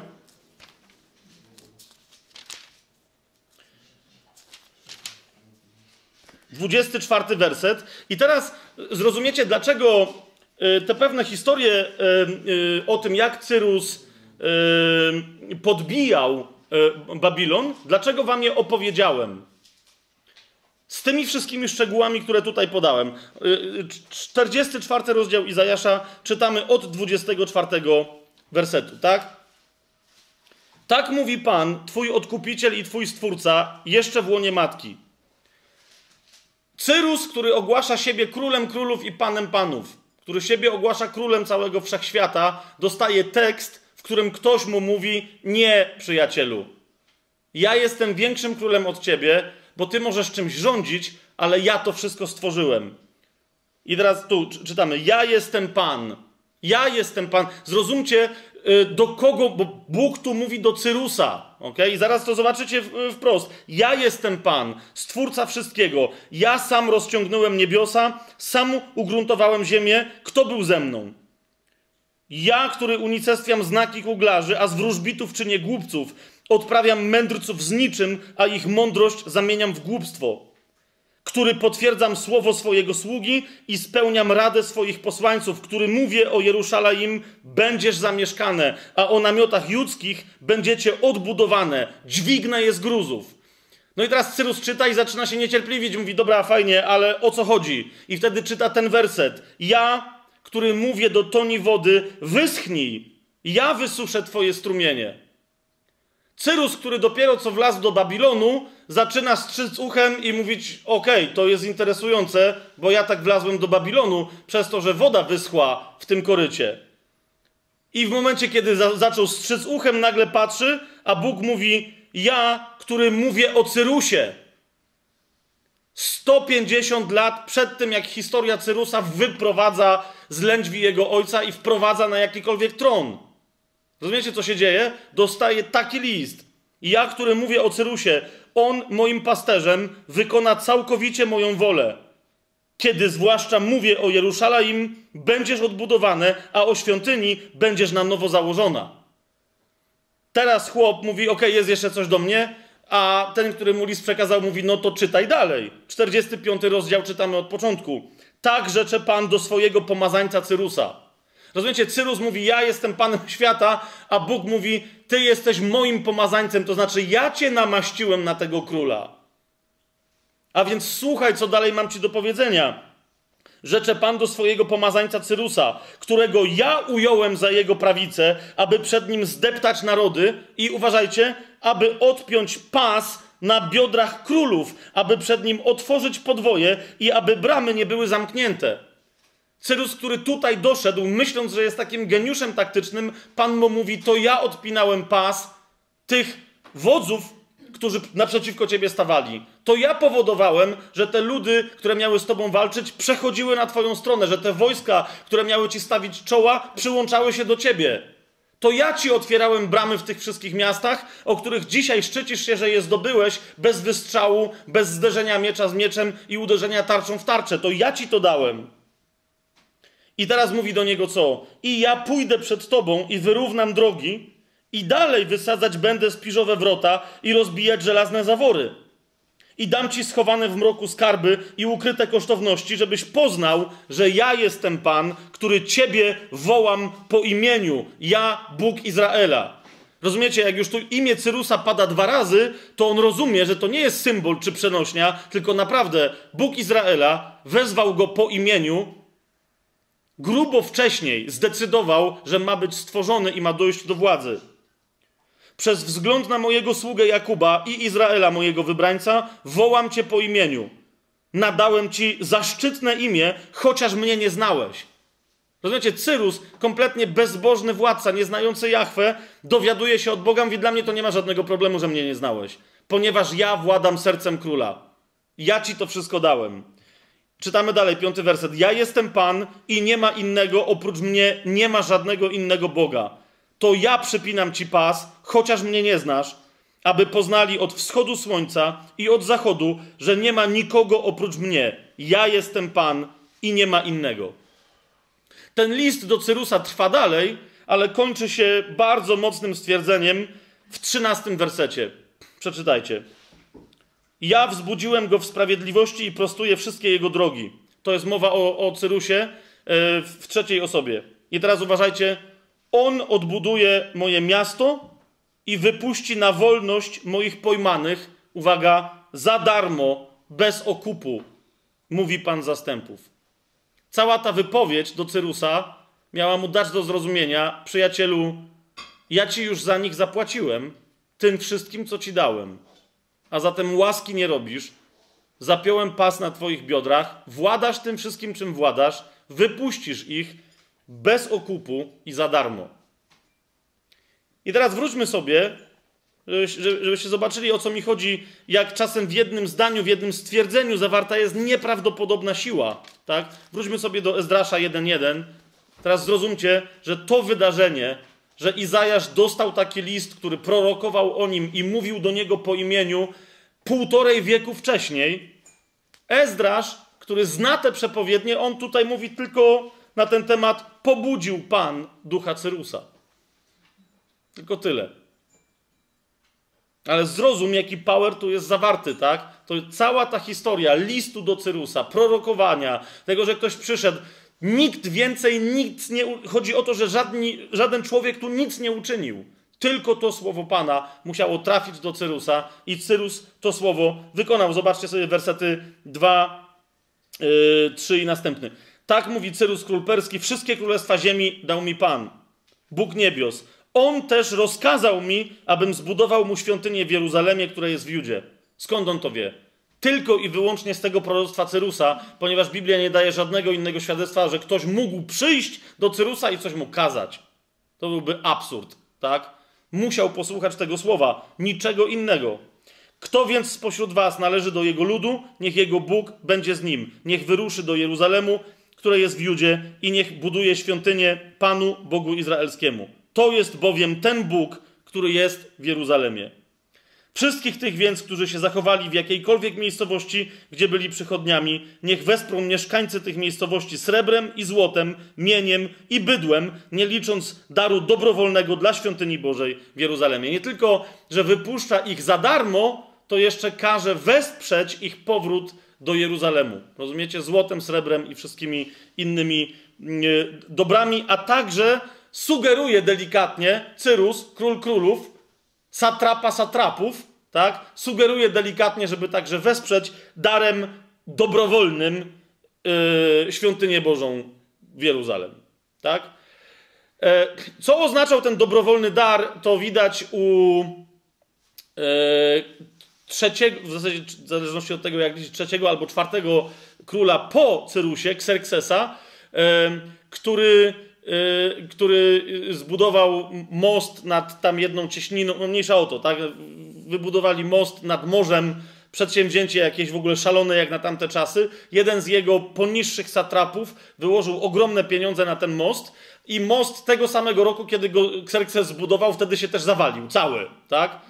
Xerxes się tak wściekł, bo uznał, że to Posejdon, czy tam ktoś w tym stylu yy, mu ten most ukradł, że obłożył trzystoma czy ilomaś tam klątwami morze, tak? Wrzucał tam jakieś dziadostwa do, do morza, żeby je ukarać, ale temu człowiekowi, który te potworne pieniądze wyłożył na jego most, wszystkie te pieniądze oddał, ponieważ powiedział, że jest zachwycony jego szczodrobliwością. Jak mu oddał te pieniądze, ten człowiek Serksesa poprosił, mówi, panie, dobra, mówi, te pieniądze niech będzie, no nie? Ale chciałbym, żebyś zwolnił mojego syna ze służby wojskowej. Wtedy Xerxes dał mu do zrozumienia, że on jest tym, który daje wtedy, kiedy chce dawać i bierze wtedy, kiedy chce brać. Powiedział mu, dawałem ci pieniądze. Ale jeżeli ty nie chcesz pieniędzy, a chcesz w zamian syna, kazał go poćwiartować tego syna, znaczy poćwiartować, poharatać na drobne cząsteczki, ułożyć z nich szpaler, e, w sensie takie dwa rzędy długaśne i całe wojsko, którym miał ten syn służyć, przechodziło pomiędzy szczątkami tego, tego młodzieńca, a potem ojciec mógł go sobie zabrać. Więc rozumiecie, jak Cyrus tu mówi, sugeruje delikatnie dar dobrowolny, to taka jest jego sugestia, żeby ten dar był dobrowolny. E, niektórzy mówią, e, że dobra, dobra, mamy pewien problem, Izajasz, e, to nie był do końca ten czas i to nie do końca on, i jakieś takie rozważania. Pomijam już kwestię, kiedyś o tym będziemy, przy okazji rozważania Izajasza. Zobaczycie, że Pan Jezus potwierdza, że cała księga Izajasza od początku do końca jest napisana przez jednego i tego samego Izajasza i Pan Jezus to mówi, tak? Bo niektórzy mówią, że tam jest Deutero Izajasz i że on musiał widzieć tego Cyrusa i już tak napisał, że no, to są brednie. A Izajasz sam o sobie, jak sobie otworzycie pierwszą, y, pierwszy rozdział Izajasza, w samym pierwszym wersecie pisze wyraźnie, y, y, kiedy, kiedy żył i za czasów, jakich królów pracował, tak? Zwróćcie uwagę, jest napisane widzenie Izajasza, syna Amosa, dotyczące Judy i Jeruzalemu w czasach królów judzkich Uzjasza, Jotama, Ahaza i Hiskiasza. Tak?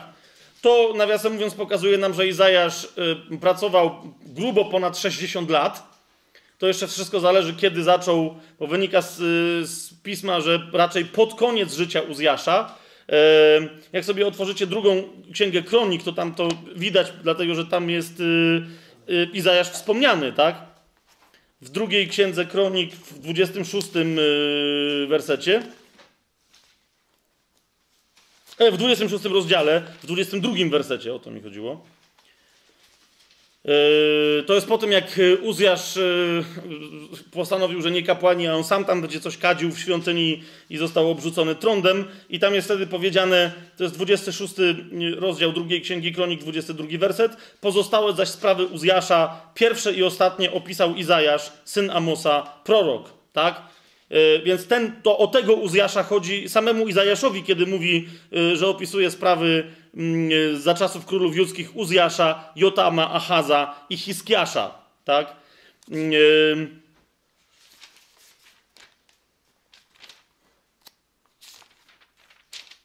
I jeżeli do Hiskiasza Izajasz dożył, to w tej drugiej księdze kronik, jak ktoś bardzo będzie, y, będzie sobie życzył, to może sobie spokojnie y, policzyć, y, nawet jeżeli by Izajasz żył do końca życia Hiskiasza, kiedy Izajasz umarł. Tak? Czyli jak sobie 32 rozdział otworzycie, to tam macie opisaną śmierć Hiskiasza. Czyli tego ostatniego z królów, o których Izajasz mówi, że, y, że w czasach ich funkcjonował Uzjasza, Jotama, Achaza i Hiskiasza. Śmierć Hiskiasza macie opisaną pod koniec 30 rozdziału, to jest 32 rozdział drugiej Księgi Kronik, 32-33 werset. Tak? Czyli widzicie, że później, e, czyli Izajasz umiera i gdzieś już ma list do Cyrusa napisany, o to mi chodzi. Tak? A potem macie jeszcze Manassesa, potem macie jeszcze Amona, potem macie Jozjasza, który całą, całą reformę próbuje przeprowadzić, tak? Potem macie Jehojakima, potem jest Sedekiasz, tak? I potem jest niewola babilońska trwająca 70 lat. Więc mówię, nawet gdyby list do Cyrusa był napisany, nie wiem, w ostatnim roku życia Hiskiasza, co jest niemożliwe, to nadal e, mamy nieprawdopodobną, mamy cały wiek, tak? Aż do tego, żeby Cyrus ten list do siebie skierowany e, przeczytał. Ewidentnie, yy, ewidentnie yy, Cyrus jest, jest mocno uderzony tym proroctwem do siebie skierowanym i Biblia mówi, nie, nie pokazuje żadnej innej przyczyny, co mogłoby tak bardzo poruszyć ducha, yy, poruszyć ducha Cyrusa, jak właśnie ten jeden konkretny tekst. Ale zauważcie, to jest to, co powiedziałem, Bóg w Biblii się nie popisuje, tak? I tym, którzy czytają Słowo Boże, mówi: Zobacz, taką rzecz możesz sobie w Słowie Bożym odkryć i możesz się nią zachwycić. Ale nie wszystkie takie rzeczy będę ci pokazywać. Po prostu. Czytaj moje słowo z uwagą i będziesz mieć przed sobą odkrywane kolejne, coraz bardziej niezwykłe, yy, niezwykłe skarby. Teraz co do samego Ezdrasza, yy, bo my się nie będziemy aż tak bardzo, mówię, zachęcam was do tego, żebyście go przeczytali, ale tych, którzy się interesują historią, zapewne yy, zainteresuje informacja, że Księga Ezdrasza również częściowo księga Nehemiasza, bo one na siebie historycznie zachodzą. Księga Ezdrasza w, zasadzie tym, co się wydarza, ona nie opisuje panowania i tego, co się dzieje w, w, w Imperium Perskim, tak? tylko tego, co się dzieje w tym czasie panowania Imperium Perskiego, co się dzieje w Jerusalem, tak? w, Jerusal w Jerusalem, w Jerozolimie, yy, ale w czasie panowania takich królów, tych, tych wielkich e, satrapów e, perskich, których znamy. Jak sobie zobaczycie szósty rozdział Księgi Ezdrasza,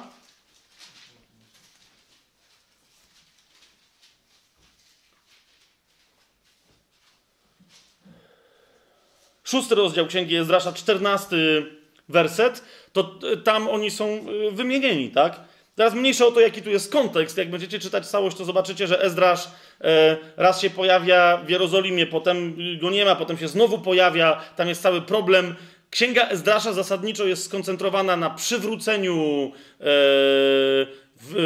świątyni pańskiej, a nie odbudowaniu Jeruzalem, tak? Przywróceniu świątyni i przywróceniu ludu do prawa Bożego, a więc do Słowa Bożego, tak? Niemniej cała ta historia, zobaczcie, toczy się, to jest y, szósty rozdział Ezdrasza, czternasty werset, na przestrzeni panowania tychże królów, którzy są na końcu tego wersetu wymienieni, czyli Cyrusa, Dariusza i Artaxerxesa. Oczywiście także Xerxesa, ponieważ Xerxes jest między Dariuszem a Artaxerxesem. Chodzi tylko o to, że on akurat dla tego, co się działo w Jerozolimie, to tam miał akurat najmniejsze znaczenie, tak? Całe Cały werset brzmi: Starsi Żydowscy budowali i posuwali się z budową naprzód zgodnie z proroctwem proroka Aggeusza i Zachariasza, syna Idy, i dokończyli budowy według rozkazu Boga Izraela oraz zarządzenia królów perskich Cyrusa, Dariusza i Artaxerxesa. Ale ja to z Xerxesem, jak będziecie dokładnie to czytać, on, on głównie dostawał, jak, gdzie to jest? Wcześniej, jak sobie otworzycie czwarty rozdział, szósty werset. Xerxes tu jest też wspomniany, e, ale w, no, tylko w takim kontekście, widzicie, szósty rozdział, czwarty rozdział, szósty werset. A gdy królem został Xerxes, na początku jego panowania napisali skargę na mieszkańców Judei i Jeruzalemu, tam y, ludy okoliczne, tak? I potem jeszcze, jak widzicie, po Xerxesie nastał Artaxerxes, to jest siódmy werset. W czasach Artaxerxesa zaś Biszlam, Mitredat, Tabel i pozostali ich towarzysze napisali do Artaxerxesa znowu tam jakiś list. Chodziło o to, oni cały czas chcieli przekonać mm, władców Persji, że to był błąd. To, co zrobił Cyrus, że to był błąd. Że pozwolić Żydom na odbudowanie świątyni w Jeruzalemie, to jest, to jest yy, zgodzić się na, na antymocarstwowy, yy, antyperski spisek żydowski. Tak? I tam Bóg, y, widzicie, moc tego, tego, tego proroctwa do Cyrusa jest tak potężna, że, y, a jednocześnie postać Cyrusa tak potężna dla pozostałych królów Persji, że jak będziecie czytać, zwłaszcza Ezdrasza, zobaczycie, że, że ci królowie cały czas boją się, mimo że Cyrusa już dawno nie ma, tak? Bo to, były, bo to było dwa albo trzy pokolenia wstecz, cały czas szukają jego edyktu, bo on co chwila ginie, tak? I pytają, czy ktoś gdzieś pamięta o tym edykcie i on się znajduje o tym edykcie, który jest na początku pierwszego rozdziału Księgi Ezdrasza, tak? I, oni, I to im wystarcza. Czytają, że taki rozkaz wydał Cyrus i mówią, okej, okay, po kolei Dariusz, potem Artaxerxes mówią, dobra, jak Cyrus tak powiedział, to, to musi być mądre, tak? I odpuszczali. czytać księgę Ezdrasza, niektórzy mówią, po co, jeżeli nas te wszystkie historyczne kwestie nie interesują. Y, no jeżeli kogoś nie interesuje, jak potężne działanie w historii miało proroctwo, to byłoby dziwne, jeżeli jest chrześcijaninem, więc to jest pierwsza rzecz.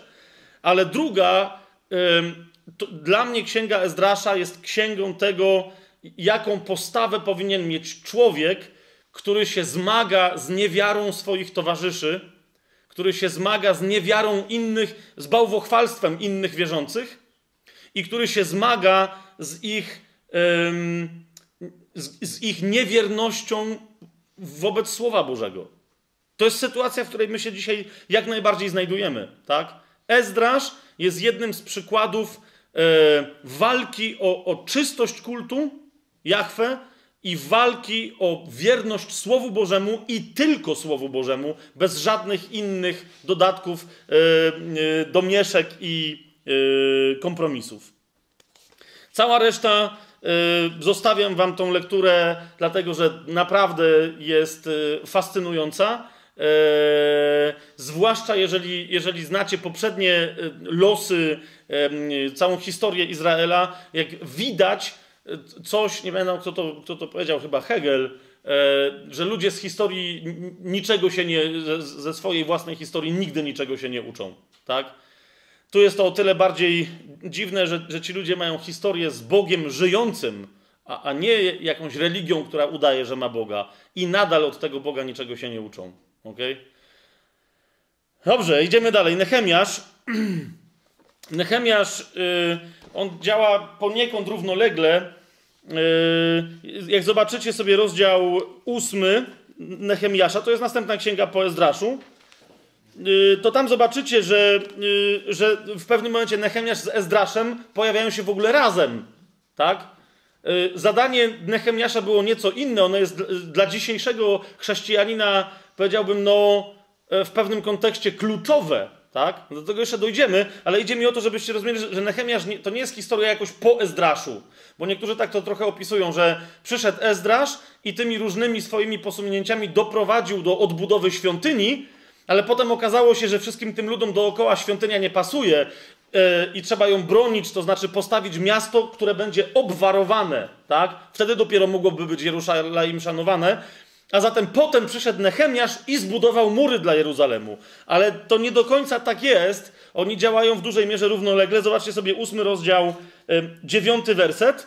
To jest jeden, jeden cały ósmy rozdział to jest w, w, tutaj wspólne działanie Nehemiasza z Ezdraszem, ale tu jest moment, kiedy oni razem y, y, się pojawiają, dosłownie w jednym wersecie obok siebie i dosłownie fizycznie obok siebie. Wtedy Nehemiasz, który był namiestnikiem, oraz Ezdrasz, kapłan i pisarz, i lewici, którzy objaśniali lud, rzekli do całego ludu: Dzień dzisiejszy jest poświęcony Panu. Tak? Więc widzicie, to jest, to jest y, konkretny moment, w którym Nehemiasz pojawia się razem, razem z Ezdraszem. Ale teraz, dlaczego powiedziałem, że, e, że księga Nehemiasza dla dzisiaj, dzisiaj funkcjonującego chrześcijanina ma szczególne znaczenie? E, żebyście mnie dobrze zrozumieli, to najpierw otwórzmy sobie drugi list do Tymoteusza, który właśnie ze względu na nierozumienie, myślę, postawy Nehemiasza i tego, co ona zapowiadała, też dzisiaj bywa jakoś dziwnie przez niektórych interpretowany. Drugi list do Tymoteusza, jak sobie otworzycie, to zerknijcie na e, drugi rozdział, trzeci werset.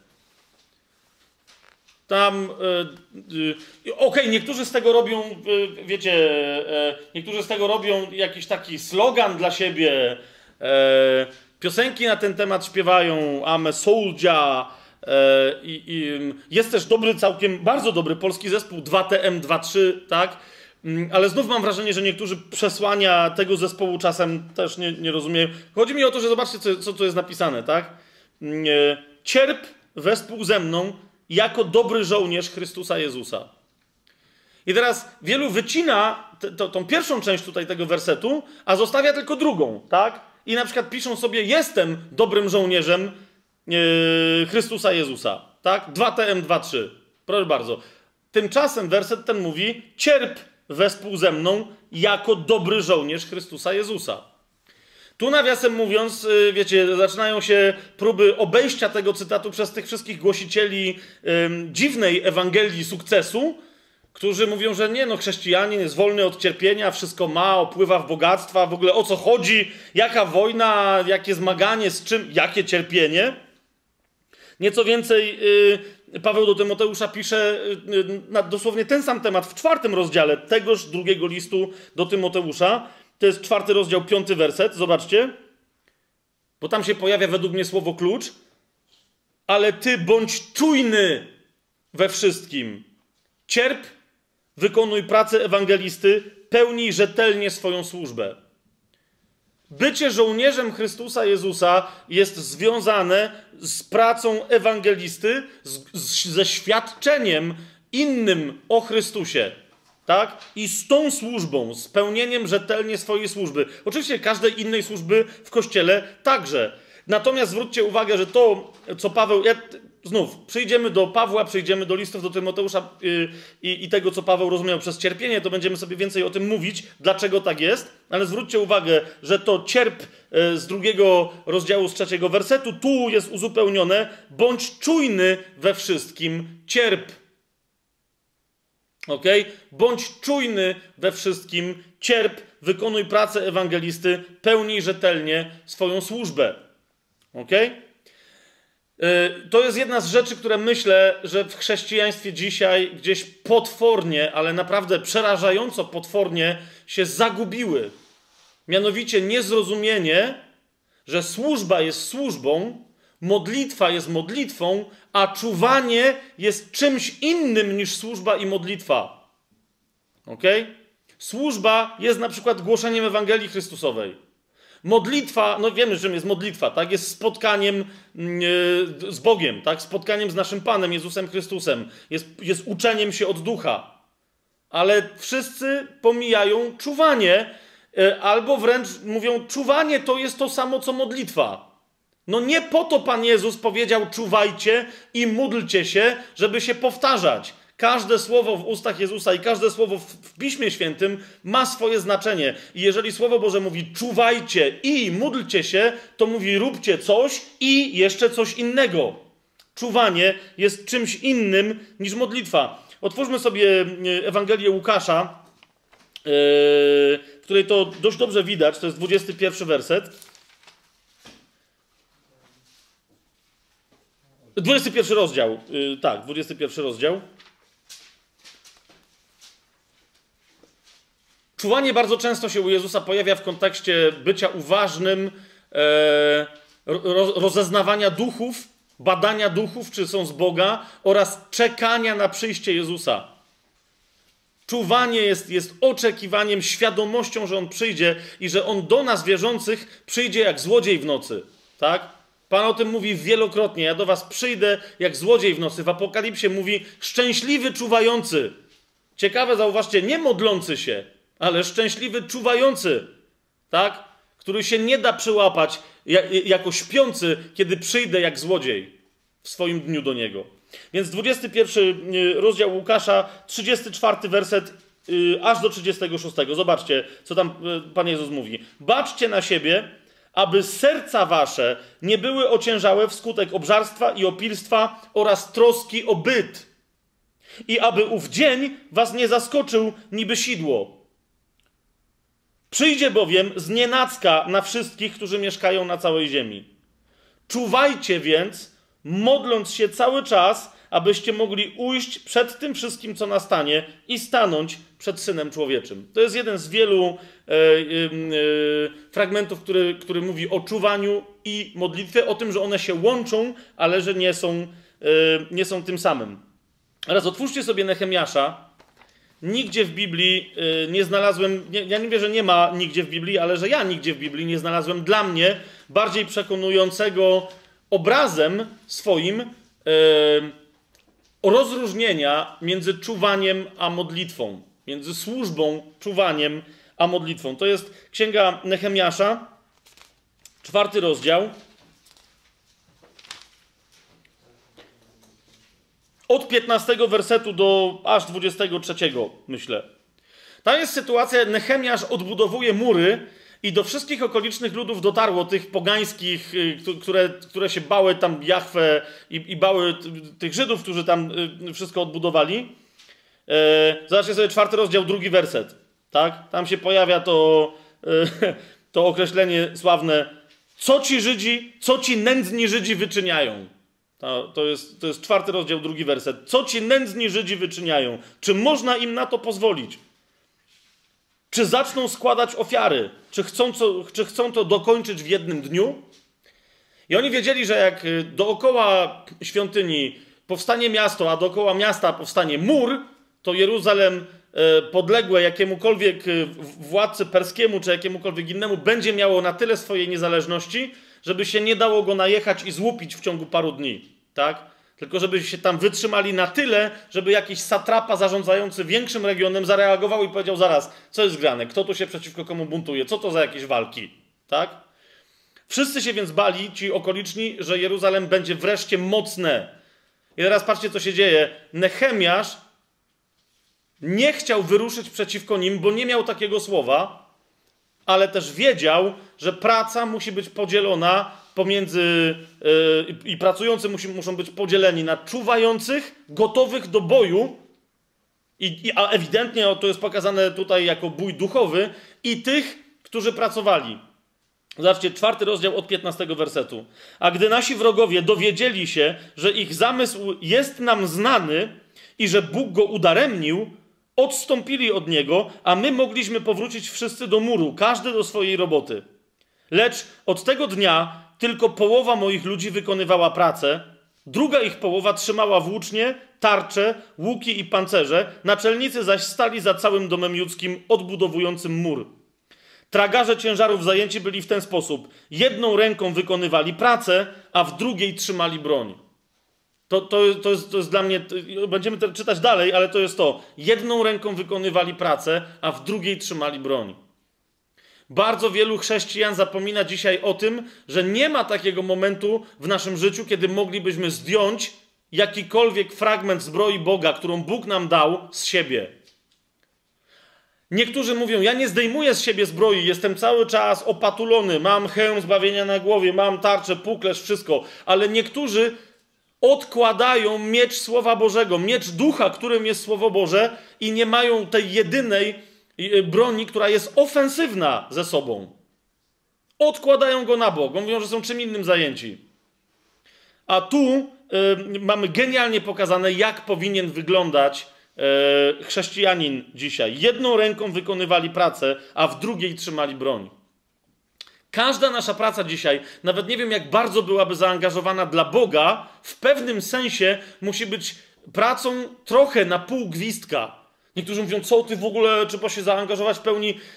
Nie, dlatego że, że nawet jeżeli ta, to twoje w pełni zaangażowanie odłożysz miecz i w pełni dwie ręce włożysz w robotę, to w momencie, kiedy wyjmiesz ręce z tej roboty i powiesz: Wow, jaką fajną posługę mieliśmy, jakie super wydarzenie. W tym momencie dostaniesz w ryj od złego, ani się nie e, zorientujesz. Rozumiesz? Dokładnie w tym momencie, kiedy wyciągniesz te dwie ręce. Dokładnie w tym momencie. I tu widzę, że niektórzy kiwają głową, bo, bo mieliście tego doświadczenie. Tak jest za każdym razem. Ok? Jezus nawet w tej dynamice nie był oszczędzony. Tak? Duch Święty stąpił na niego. Został namaszczony, głos nad nim powiedział: To jest mój syn umiłowany. Poszedł na pustynię, tak? Jest gotowy do tego, żeby, żeby po tym genialnym doświadczeniu duchowym, tak? Żeby coś robić. Co się dzieje? I szatan do niego przystępuje, tak? To co, czy my będziemy lepsi i więksi od naszego Pana? Musimy być do tego gotowi, tak? Jak pracujemy, to się nie modlimy, ale ten miecz w ręce oznacza czuwanie, tak? Całe czytanie Księgi Nehemiasza, cała reszta Biblii też nam wiele na, na, na temat czuwania ma powiedzieć. Czytamy dalej, od 18 wersetu teraz dalej. Z tych, którzy budowali, każdy miał miecz przypasany do boku i tak budował. Trębacz zaś stał obok mnie. Wtedy rzekłem do przedniejszych i do naczelników i do pozostałego ludu: Pracy jest dużo i na różnych miejscach, my zaś jesteśmy rozproszeni po murze, z dala jeden od drugiego. To też w miejscu, skąd usłyszycie głos trąby, tam się przy nas zbierzcie. Bóg nasz będzie walczył za nas. Zauważcie, y, bo niektórzy mówią, że no to było takie ludzkie podejście do sprawy. Zauważcie, Nehemiasz wie doskonale, że jak te wszystkie ludy dookolne się na nich rzucą, to ich i tak jest za mało, bo ich tam naprawdę było mało, tak? Jak się wczytać w tekst, to zobaczycie, bo tam jest wiele fragmentów mm, w księdze Nehemiasza, u Ezdrasza, e, na przykład e, macie mm, w siódmym rozdziale e, od szóstego wersetu coś, co się często nazywa listą repatriantów, tak? Tam się podpisują goście, którzy tam przybyli z wygnania, tak? To, to jak zobaczycie, nawet jeżeli oni oznaczają tylko, są głowami całych rodzin, to tam zobaczycie, że tych ludzi to tam milionów nie ma, tak? Oni tam się, ani nawet, wiecie, setek tysięcy, ani nawet dziesiątek tysięcy za, za, specjalnie nie ma, tak? A zatem oni mają dużą świadomość, że jak przyjdzie do walki, to i tak Pan będzie walczył, ale Pan będzie walczył przy pomocy ich rąk zaopatrzonych w miecze. Jasne? Yy, 21 werset i dalej. Tak to wykonywaliśmy pracę, podczas gdy druga połowa trzymała włócznie od pojawienia się zorzy porannej aż do wzejścia gwiazd. W tym czasie również nakazałem ludowi, niech każdy nocuje w obrębie Jerusalemu wraz ze swoim sługą, aby w nocy trzymali straż, a w dzień pracowali. A nikt z nas, ani ja, ani moi bracia, ani moi słudzy, ani moja straż przyboczna nie zdejmowaliśmy naszego odzienia, każdy miał swoją broń pod ręką.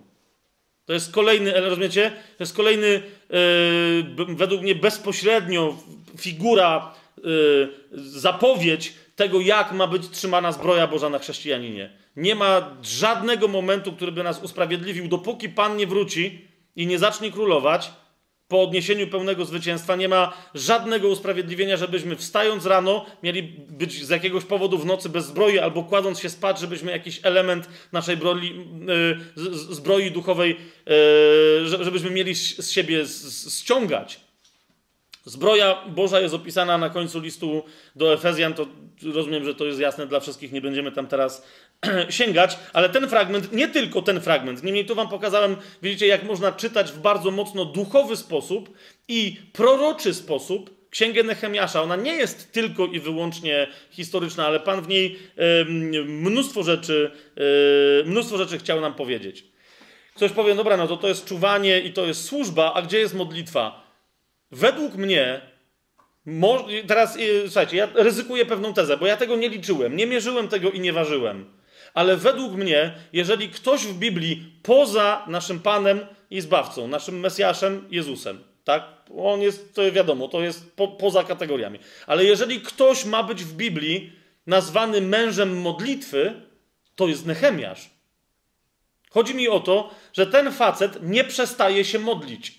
Ten facet, jak dobrze czytamy ten tekst, Zobaczcie na przykład dziewiąty rozdział. Potrafi, yy, że tak powiem, wyrzucić z siebie potężną modlitwę, która nawet nie, nie, będziemy jej teraz cytować, ale zobaczcie, to jest jedna z najdłuższych modlitw, oczywiście poza psalmami, tak? Bo tam psalm 119 i tak dalej, to tam, okej, okay. ale chodzi mi o takie zawarte w, w, w, innych księgach. To jest jedna z najdłuższych y, modlitw, o ile nie w ogóle najdłuższa, jaką mamy w Biblii, poza, jeszcze raz mówię, księgą psalmów. To jest dziewiąty rozdział Nehemiasza. Ale jednocześnie zwróćcie uwagę, yy, niektórzy powiadają, że to jest najkrótsza modlitwa. No nie wiem, bo nie wiadomo ile ona trwała, ale zwróćcie uwagę, Nehemiasz jest człowiekiem, który ma czas, żeby się modlić razem z całym ludem, a więc oddać się uwielbieniu. Jest na to czas, jest na to miejsce, jest na to pora i, i, i, i, jadą, tak? I wtedy modlitwa mm, jest genialna. Ale sięgnijmy sobie na początek księgi y, Nehemiasza do drugiego rozdziału, czwarty werset. Nehemiasz stoi E, przed wielkim satrapą, królem Artaxerxesem, którego był podczaszym. Chodzi o to, że pod czaszy, y, on dosłownie był pod czaszym, to znaczy kimś, kto, kto napełniał kielich królowi, tak? My po polsku też mieliśmy podczaszych i to byli ci, którzy nalewali kielich królowi, ale rozumiecie, to oznaczało, że to był wielki urzędnik, bo nie tylko chodziło o to, że nalewał do kieliszka, tylko musiał mieć wielkie zaufanie króla, że mógł mu lać do kielicha. Wiecie o co chodzi? Mógł go otruć i tak dalej, więc król mu naprawdę, jeżeli kogoś czynił pod czaszym, to to oznaczało, że był w zasadzie prawie że premierem w niektórych yy, układach, tak? Więc w drugim rozdziale jest sytuacja, w której yy, drugi rozdział, pierwszy werset. W miesiącu Nisan, w dwudziestym roku panowania króla Artaxerxesa, usługując mu jako podczaszy, wziąłem wino i podałem królowi. I chodzi o to, że w trakcie, rozumiecie, czyli król coś robi, je, ucztuje, co innego ma na głowie, tak? Tyle tylko, że zauważył, że, że Nechemiasz źle wygląda, więc się tam przejął, ale zwróćcie y, uwagę, co się dzieje. Czwarty werset, to jest dla mnie klucz, tak? potężna postać, Artaxerxes, nawet dzisiaj, tak, ludzie wiedzą, kto to jest Artaxerxes, mówi do Nehemiasza, król rzekł do mnie, czego byś sobie życzył? A Nehemiasz co wtedy robi? Modli się. Pomodliwszy się więc do Boga niebios, przecinek, piąty werset, rzekłem do króla. To, że on chciał powiedzieć to, co chciał powiedzieć, to my wiemy wcześniej, że on wiedział, co ma powiedzieć. Ale widzicie, nawet w tym kluczowym momencie Nehemiasz nie przestaje się modlić. Ok? Nie ma takiej sytuacji, nawet w tym, to był najpotężniejszy wtedy człowiek na świecie. Artaxerxes, król potężnego imperium medoperskiego, tak? Mówi do człowieka, a on w tym momencie najpierw, zanim mu odpowie, mówi do swojego Boga. Do Boga nieba i ziemi, jedynego prawdziwego Boga, który żyje, tak? E, całą księgę Nehemiasza również chcę Wam zwrócić uwagę na jedną rzecz. E, całą księgę Nehemiasza często będziecie mieli taki przeskok, czyli że Nehemiasz pisząc, jednocześnie w trakcie pisania zaczyna się modlić do Boga i to zapisuje. Tak, więc pisze o czymś i za chwilę, on, on dosłownie w ten sposób kończy księgę. Zobaczcie 30 i 31 werset. I oczyściłem ich ze wszystkiego, co obce, i ustaliłem zakres czynności służebnych dla kapłanów i dla lewitów, i dostawy drewna z określonych, w określonych terminach i pierwociny. Kropka. I ostatnie zdanie. Zachowaj to, mój Boże, w pamięci ku mojemu dobru. Tak? Ale chodzi mi o to, że taki u Nehemiasza macie język taki cały czas. Tak? Że on gada o, o, rozumiecie, ustaleniu, że drewno w jakichś określonych momentach ma być gdzieś dostarczone. No my jesteśmy umówieni na drewno, nie? Na, na, na poniedziałek. I, I, w trakcie rozmowy z Tymkiem, jak się umawialiśmy, bo y, kupujemy w jednym miejscu drewno do kominka, o to, o to mi chodzi, tak? Jak się umawialiśmy z, z Tymkiem na to drewno, nie pamiętam, czy ty, ty, ty pamiętasz, żebym ja podziękował Bogu... Yy, ja też nie pamiętam, żebyś ty za specjalnie podziękował. Rozumiecie o co mi chodzi, no nie?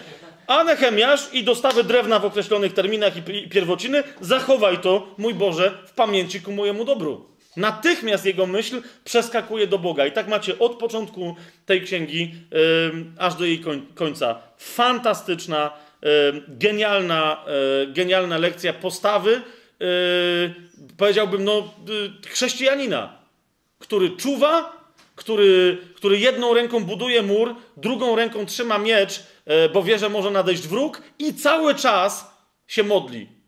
Niemniej widzicie to, że czuwanie i służba to jest u niego coś innego niż modlitwa. Modlitwa u niego nie ustaje. Jasne to jest? I, i też y, oczywiście historia jest przeciekawa, więc, więc Nehemiasza wam bardzo polecam, bo, bo, bo naprawdę to jest po prostu. Nie, Ezdrasza i Nehemiasza się czyta jak taki, wiecie, thriller historyczny, ale również to są księgi bardzo mocno duchowe i nauczycielskie w tym sensie dla nas dzisiaj. I w takim duchu też czytajcie Nehemiasza. Co Boże chcesz mi powiedzieć na temat mojego, mojej postawy czuwania, mojej postawy służby i mojej, mojej postawy modlitewnej. I teraz mamy ostatnią, e, ostatnią księgę, księgę Estery. Przy tej okazji zacznę od jednej takiej um, uwagi a propos wiarygodności Biblii, która oczywi, oczywiście, że, że, Biblia jest w 100% wiarygodna. Niemniej, zobaczcie, jak się rozpoczyna księga Estery. I stało się za dni Ahasverosza, a Ahasverosz panował od Indii aż do Etiopii nad 127 prowincjami Otóż w tych dniach, gdy, gdy król Ahaswerosz zasiadał na swoim tronie królewskim na zamku w Suzie i tak dalej, i tak dalej, i tak dalej. Eee, niektórzy już po tych pierwszych wersetach zaczęli zarzucać, nie, znaczy nie, niektórzy, tak? Ci, którzy się zajęli tak zwaną krytyką literacką, e, egzegezą krytyczną Biblii i innymi tego typu historiami stwierdzili, cóż to za jakiś Ahaswerosz. Nawiasem mówiąc, to jest jedno z moich najbardziej ulubionych imion w, w Biblii. Ahaswerosz. Bardzo dobrze to brzmi. E, to jest Xerxes. Ok? Ahaswerosz. I teraz niektórzy już y, w XVIII wieku zaczęli się rzucać, że i tu widać, że Biblia wymyśla, nikt nigdy nie, nie, nie wiadomo, co to za król, co to ma być. Y, to, że to musiał być któryś z tych czterech, świadczy o tym fakt, że jest opisana Persja tutaj, zauważcie. Nawiasem mówiąc, no właśnie, tu jest napisane, jak, jak to było potężne imperium. Zwróćcie uwagę, od Indii, tak, od Indii, całych Indii, aż do y, Afryki, aż do Etiopii, tak. To tak, taki był zasięg w tamtych, e, w, w tamtych czasach, taki był zasięg Imperium e, Perskiego. E, a niektórzy mówią, no ale Ahasverosz, okej, okay, no to, to kto to by miał niby być? Otóż już na początku XIX wieku taki człowiek, który się nazywał Georg Friedrich Grotefend, założył się ze swoim kolegą, że odczyta, bo wtedy między innymi wcześniej zostały znalezione, zostało znalezione perskie pismo klinowe, założył się z nim, że odczyta to pismo i y, jak rzadko bywa w takich zakładach, mu się udało. Tak? Ale jak się okazało, imiona typu Xerxes, Artaxerxes, Cyrus dotarły do nas po Grekach i jeszcze po Rzymianach mocno zdeformowane. A między innymi on odczytał z pisma klinowego, że imię Xerxes oryginalnie po persku brzmiało Ahasverosz. To było oryginalne imię e, tegoż króla i tylko Biblia miała od zawsze świadectwo tego, jak oryginalnie e, to imię e, brzmiało, tak? Wiele jest tego rodzaju prób podważenia E, wiarygodności e, Biblii. Później się dopiero okazało, że rzeczywiście, jak nie, bo niektórzy przez jakiś tam czas wierzyli na przykład, że, że nie wiedzieli dokładnie, gdzie była stolica czego, czy czasem Persowie nie mieli przecież stolicy w Persepolis. Okazuje się, że nie, dokładnie tak jak Księga Estery mówi, istniał, istniał zamek w Suzie, istniało też miasto Susa, to było zupełnie coś innego. Biblia o tym bardzo wyraźnie mówi. Co więcej, są wykopaliska e, tamtych miejsc i okazuje się, że wszystkie szczegóły, jakie znajdziecie w księdze Estery, to jest jedyny opis, jaki mamy gdziekolwiek tego, co wykopaliska tam potwierdziły. Tak? Tyle, że w tych wykopaliskach różnych szczegółów nie widać, czyli wiadomo, że nikt tam nie wykopał, wiecie, e, sznurka o jakimś tam kolorze i tak dalej, ale to wszystko, co macie opisane w księdze Estery, jest opisane przez osobę, która tam była, która była świadkiem naocznym. I stąd, e, jak sobie przeczytacie w dziewiątym rozdziale, gdzie to jest? E, w dwudziestym wersecie, tam jest powiedziane, e, że Księga Estery, dziewiąty rozdział, dwudziesty werset, a Mordochaj spisał wszystkie te wydarzenia, i rozesłał listy do wszystkich Żydów po wszystkich prowincjach króla Ahaswerosza, bliskich i dalekich i tak dalej, i tak dalej, to widzicie, to, to według mnie to jest wystarczający dowód na to, że Mordechaj, e, czy Mordochaj, jak niektórzy e, tłumaczą, że on jest autorem księgi Estery i że to jest ten Mordochaj, który jest jednym z bohaterów tej opowieści e, w księdze Estery, tak? Tam mamy poza królem Ahasweroszem królową Esterę, Mordochaja e, Żyda e, i tego, którego Żydzi, jak jego imię jest odczytywane w synagogach, to zawsze je zagłuszają, tak? Walą kołatkami, klekoczą, krzyczą, żeby tylko imię Hamana, no pewnie my nie jesteśmy tu Żydami, to się nie musimy przejmować, żeby tylko imię Hamana nie zostało usłyszane, tak? O czym jest, o czym jest księga Estery? Księga Estery jest, opowiada o pierwszej próbie E, Holokaustu. Znaczy, e, e, na Żydów cały, co i róż ktoś gdzieś nastawał, tak? W Egipcie, no Mojżesz ledwo co się uratował, wiecie, z, z, pogromu straszliwego, ale to był pogrom, który nie tyczył się w ogóle całego narodu żydowskiego, tylko mężczyzn, którzy tam zamieszkiwali, tak? Natomiast Księga Estery opowiada o próbie zniszczenia wszystkich Żydów, zniesienia narodu żydowskiego z powierzchni ziemi. Teraz niektórzy powiadają, to co Żydzi wymyślili, zwłaszcza, że jak zobaczycie też na końcu Księgi Estery, wygląda na to, że yy, niektórzy mówią, że cała ta księga jest opisana, żeby oni sobie uzasadnili, że świętują Purim na cześć właśnie uratowania narodu żydowskiego, i, a Purim nie ma, w księ- nie ma w torze, więc potrzebowali innej świętej księgi, żeby sobie usprawiedliwić święto Purim. Niemniej jak poczytacie cały tekst, to zobaczycie, że, że naprawdę to Purim jest tylko dodatkiem dosyć logicznym, tak? Znaczy, że naprawdę, bo Purim oznacza losy, tak? Rzucanie losów. I, I, widać wyraźnie w tej historii, jak losy się odwróciły, tak? Haman miał powiesić Mordochaja na szubienicy. Swoją drogą po hebrajsku ta szubienica e, ma bardzo wyraźne, e, jakby to powiedzieć, ona nie do końca wygląda jak szubienica taka z westernów, wiecie, że się wiesza sznur i kogoś tam się wiesza. Tylko, że tam miały być liny, ale ona bardzo mocno przypomina krzyż, tak? To, to jeszcze raz, to mówię, nie będziemy się to, bo to są niuanse, więc, więc, więc Żyd Mordochaj ma być, yy, ma być tam zawieszony na tej szubienicy, na drzewie, tak? Yy, a Żydzi wszyscy mają być zniesieni z powierzchni ziemi, natomiast losy się odwracają i na tę szubienicę trafia ten, który miał wieszać Mordochaja, który zresztą zbudował tę szubienicę, czyli Haman. Trochę wam robię spoiler, tak? Ale naprawdę nie do końca yy, o to w tej historii mimo wszystko chodzi, tak? Trafia na tą szubienicę Haman, yy, a Żydzi się ratują, tak? To też nie jest takie oczywiste, że jak niektórzy mówią, że po prostu Ahasverosz wydał rozkaz i tam, bo to nie było tak proste, żeby temat odwrócić, ale to mówię, zostawiam, zostawiam wam, yy, zostawiam wam księgę, yy, księgę Estery. Pierwsza próba yy, w tym dwudziestowiecznym sensie słowa Holokaust, przeprowadzenia Holokaustu na Żydach, zniesienia całego tego narodu. Ale chcę wam zwrócić uwagę na jedną rzecz, dosyć szokującą jak na Biblię i w ogóle. Otóż y, ludzie są, wiecie, mają kontekst, tak? Jest Pismo Święte, w Piśmie Świętym jest jakaś księga, księga Estery. Mnóstwo ludzi czyta księgę Estery i nie zauważa, że w ogóle nie ma w niej Boga. Ktoś z was czytał? Y, no, no właśnie, zauważyliście to? No właśnie, tak? Że, że w ogóle Bóg jest tu niewspomniany.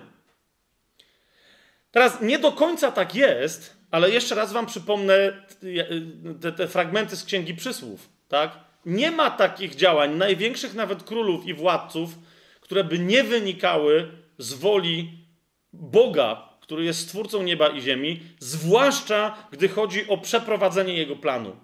Nikt nie miał prawa tknąć Izraela, nie dlatego, żeby Izrael był taki cudowny, święty, i Pan w wielu miejscach o tym mówi, nie ze względu na Was ja to czynię, ale ze względu na moje imię, które do Was zostało, z Wami zostało związane i na Was spoczęło. Nie ze względu na Was ja to czynię. Księga Estery myślę, że celowo jest zapisana w taki sposób, że tam w ogóle Bóg jest niewspominany jako działający, żeby wierzący czytelnik zrozumiał, że w nawet najbardziej wrogim środowisku i w nawet najbardziej wrogich okolicznościach, bo to są wrogie okoliczności, rozumiecie? Jeżeli podstawimy pod Żydów chrześcijan, to to jest sytuacja, w której ktoś knuje spisek, żeby wybić wszystkich chrześcijan, żeby zniknęli z powierzchni ziemi. E, objawienie mówi nam o tym, że żyjemy e, w takich czasach, że nawet jeżeli ktoś teraz takiego spisku nie przeprowadza, to w końcu o, to bym się zdziwił, tak? Ale nawet jeżeli to do tego wszystko zmierza, tak? Żeby nas wszystkich wytępić, żeby zniknął ostatni chrześcijanin albo ostatnia chrześcijanka z powierzchni ziemi. To Księga Estery o tym mówi, że nawet w takim środowisku, w którym Boga, tego jednego, jedynego prawdziwego, nie można nawet wspomnieć, tak? I, i ten, ten brak wzmianki o Bogu tu jest właśnie tego rodzaju milczeniem. Tak? Nawet jeżeli nie wolno o nim wspomnieć, nawet jeżeli Estera przez długi czas przed swoim królem, którego jest królową, którego jest żoną, ukrywa, że jest Żydówką w ogóle, tak? nie że tam wierzy w Boga czy coś, ale ukrywa, że jest Żydówką, to nadal widać, że Bóg realizuje swój plan. W czym zwłaszcza to widać? No kochani, myśmy o tym y, mówili już przy okazji nieszczęsnego króla e, Szaula, tak? Króla Saula, ale najwyraźniej e, tę historię trzeba przywołać. Otóż Haman, kim jest Haman, e, który tu jest takim czarnym charakterem w całej tej, w całej tej opowieści? Otwórzmy sobie księgę, księgę Estery, trzeci rozdział. Tam jest moment, kiedy akurat Haman przeżywa wywyższenie, ale też dowiadujemy się, kim jest na mm, y, centralnym dworze e, wielkiego władcy najpotężniejszego imperium na ziemi. Po tych wydarzeniach król Ahaswerosz wyróżnił znacznie Hamana, i tu się dowiadujemy, kim on jest, syna Hamedaty, potomka Agaga, i wywyższył go. Kto to jest Agag? No, otwórzmy sobie pierwszą Samuela, yy, e, 15 rozdział. Tylko po to, żeby sobie przypomnieć, bo myśmy już te kwestie kiedyś tam rozważali, tak? Pierwsza księga Samuela, 15 e, rozdział, 9 werset. Tam jest cała historia, kiedy Pan mówi, yy, nakazuje, yy, nakazuje Saulowi wytępić Amalekitów, tak? I, I, to te tematy były poruszone wcześniej. Kto tam chce po to sięgnąć, to niech sobie sięgnie do, jak sobie opowiadaliśmy o, o, o, tym, czemu w ogóle w Księdze Sędziów jest mowa o tym, żeby wytępić pewne ludy i tak dalej. Tak? Nie będziemy teraz tego rozważać. W 15 rozdziale, w drugim wersecie, tak mówi Pan Zastępów. 15 rozdział pierwszej Księgi Samuela, drugi werset. Tak mówi Pan Zastępów. Chce pomścić to, co uczynił Amalek Izraelowi, stając mu na drodze, gdy wychodził z Egiptu. Idź więc teraz i pobij Amaleka tak? I tam było wyraźnie powiedziane, e, że, że nikt z nich ma nie zostać. Jeszcze raz, nie będziemy teraz tłumaczyć dlaczego. Ale dziewiąty werset, ale Saul i jego lud oszczędzili Agaga. I to, co było najlepsze wśród owiec, bydła i tak dalej, i tak dalej, tak? I to zostało poczytane Saulowi jako potworny grzech. Dlaczego? Bo Bóg widział między innymi tę wersję przyszłości, do której doszło w księgi Estery, tak? Saul oszczędził Agaga, a z lędźwi Agaga, że się tak wyrażę, wyszedł kto? No wróćmy do księgi Estery trzeciego rozdziału. Wyszedł Haman. Haman, syn Hamedaty, potomek Agaga. Tak? Pierwszy, któremu przyszło na myśl, żeby zniszczyć wszystkich Żydów. Ale chcę wam pokazać jeszcze drugą rzecz, która jest bardzo, ale to bardzo interesująca. Otóż bo teraz jednym z elementów takich, których od, które odpalają w, w Hamanie nienawiść, jest to, że Mordochaj, Żyd, nie chce mu się ukłonić. Tak? Zobaczcie y, w tym trzecim rozdziale drugi werset. Wszyscy dworzanie królewscy, którzy należeli do orszaku królewskiego, klękali, oddając pokłon Hamanowi, gdyż tak zarządził co do niego król, czyli Ahaswerosz. Tak? Ahaswerosz Xerxes powiedział, że macie się kłaniać Hamanowi, tak bardzo go wywyższam, tak? Ale Mordochaj nie klękał i pokłonu mu nie oddawał. Oczywiście niektórzy mówią, no bo był Żydem, no bo wiedział, że tylko Bogu należy się cześć. Dobrze, dobrze. Biblia wyraźnie pokazuje, że zwłaszcza, zwłaszcza w tych okolicznościach niewoli wszelkiego typu, Żydzi tam nie przed takimi gośćmi, wiecie, padali, tak? Więc nie chodzi mi o to, żeby się teraz kogoś nabijać, tylko chodzi mi o to, że to uzasadnienie, że Mordochaj po prostu takim był, wiecie, po prostu był Żydem i dlatego nie klękał, nie jest do końca właściwe. Otóż co nam mówi Biblia? Sama księga Estery na temat yy, Mordochaja. Kim on był? Zobaczmy sobie drugi rozdział księgi Estery, piąty werset. Tam jest, y, tam, to jest introdukcja Mordochaja, tak? A był na zamku w Suzie pewien Żyd imieniem Mordochaj, no i ci, którzy pamiętają księgi historyczne, teraz coś się wam powinno odpalić. By pewien Żyd imieniem Mordochaj, syn Jaira, syna Shimejego, syna Kisza z plemienia Beniamina. E, teraz oczywiście mógłbym znowu przeskoczyć i wam pokazać, e, ale zostawiam to wam jako zagadkę dzisiaj. E, w sensie zagadkę taką, że, żebyście sobie sprawdzili, gdzie, skąd my to wiemy, że na pewno tak jest. Natomiast mówię wam, że dochodzi do zdumiewającego zdarzenia e, i powtórki, powtórki z rozrywki, bo Mordochaj jest potomkiem króla Saula. Tak? Wyraźnie e, o tym tutaj mamy powiedziane. Syn Jaira, syna Shimejego, syna Kisza z plemienia Beniamina. Saula się tu nie wspomina, no bo jest postacią negatywną, ale, rozumiecie, pojawia się potomek Saula, który miał zabić Agaga naprzeciwko potomka Agaga. Tak? Potomek Saula naprzeciwko potomka Agaga. Po prostu. Tak? I teraz, jeżeli pamiętacie tamtą, his tamte historie i tu czytacie, mówicie, nie ma Boga, zaraz moment, no nie? Nie ma takich przypadków w historii, po prostu nie ma, tak? Te słowa przedstawiające bardzo dokładnie Mordochaja i przedstawiające bardzo dokładnie Hamana, mówią o tym, oto jest zrządzenie Boże. Mordochaj, Haman, Ahasverosz, Estera mogą nie wiedzieć, w jakiej historii biorą udział, tak? Ale wykonają to, co Pan powiedział, że ma być wykonane. Kropka.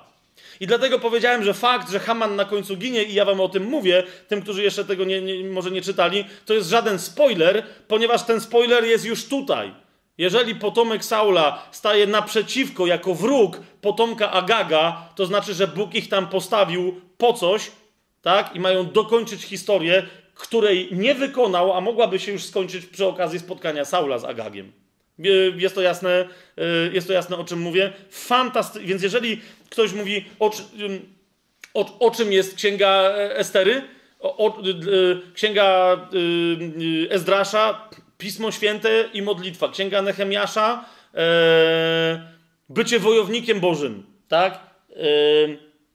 I służba, tak? Czuwanie i, i modlitwa. Księga Estery jest E, przypomnieniem nam i zbudowaniem w nas pamięci, że w najgorszych nawet okolicznościach prześladowania i pod najgorszą nawet władzą, Boża opatrzność czuwa nad Jego planem, który musi być zrealizowany. Misterium Boże będzie wykonane tak, jak Bóg chce i nikt mu się nie przeciwstawi.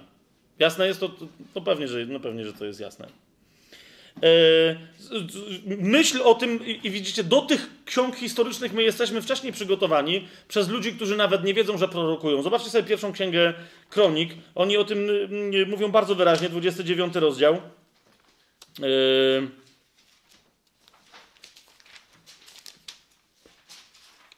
jedenasty werset. To Dawid błogosławi Pana, król, który jest prorokiem, który wie, czym jest władza, zobaczcie, co mówi. 29 rozdział pierwszej księgi Kronik, 11 i 12 werset. Twoją, Panie, jest wielkość i moc, i majestat, i sława, i chwała. Gdyż wszystko, co jest na niebie i na ziemi, do Ciebie należy. Twoim, Panie, jest królestwo i Ty jesteś wyniesiony jako głowa nad wszystko.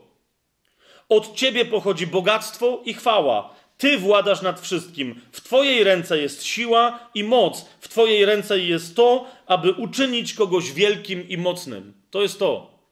Żaden człowiek nie może się szczycić z tego powodu, że posiada jakikolwiek aspekt wielkości lub mocy, ponieważ dokładnie tu aplikuje się, jak i wszędzie we wszystkich innych zasadach, ale zwłaszcza tu aplikuje się zasada, o której Paweł nam przypomina: cóż masz, czego byś nie otrzymał. I nawet nie mówi od kogo, bo to jest jasne od kogo. E, I jeszcze drugą księgę kronik sobie otwórzcie, 20 rozdział. Szósty werset.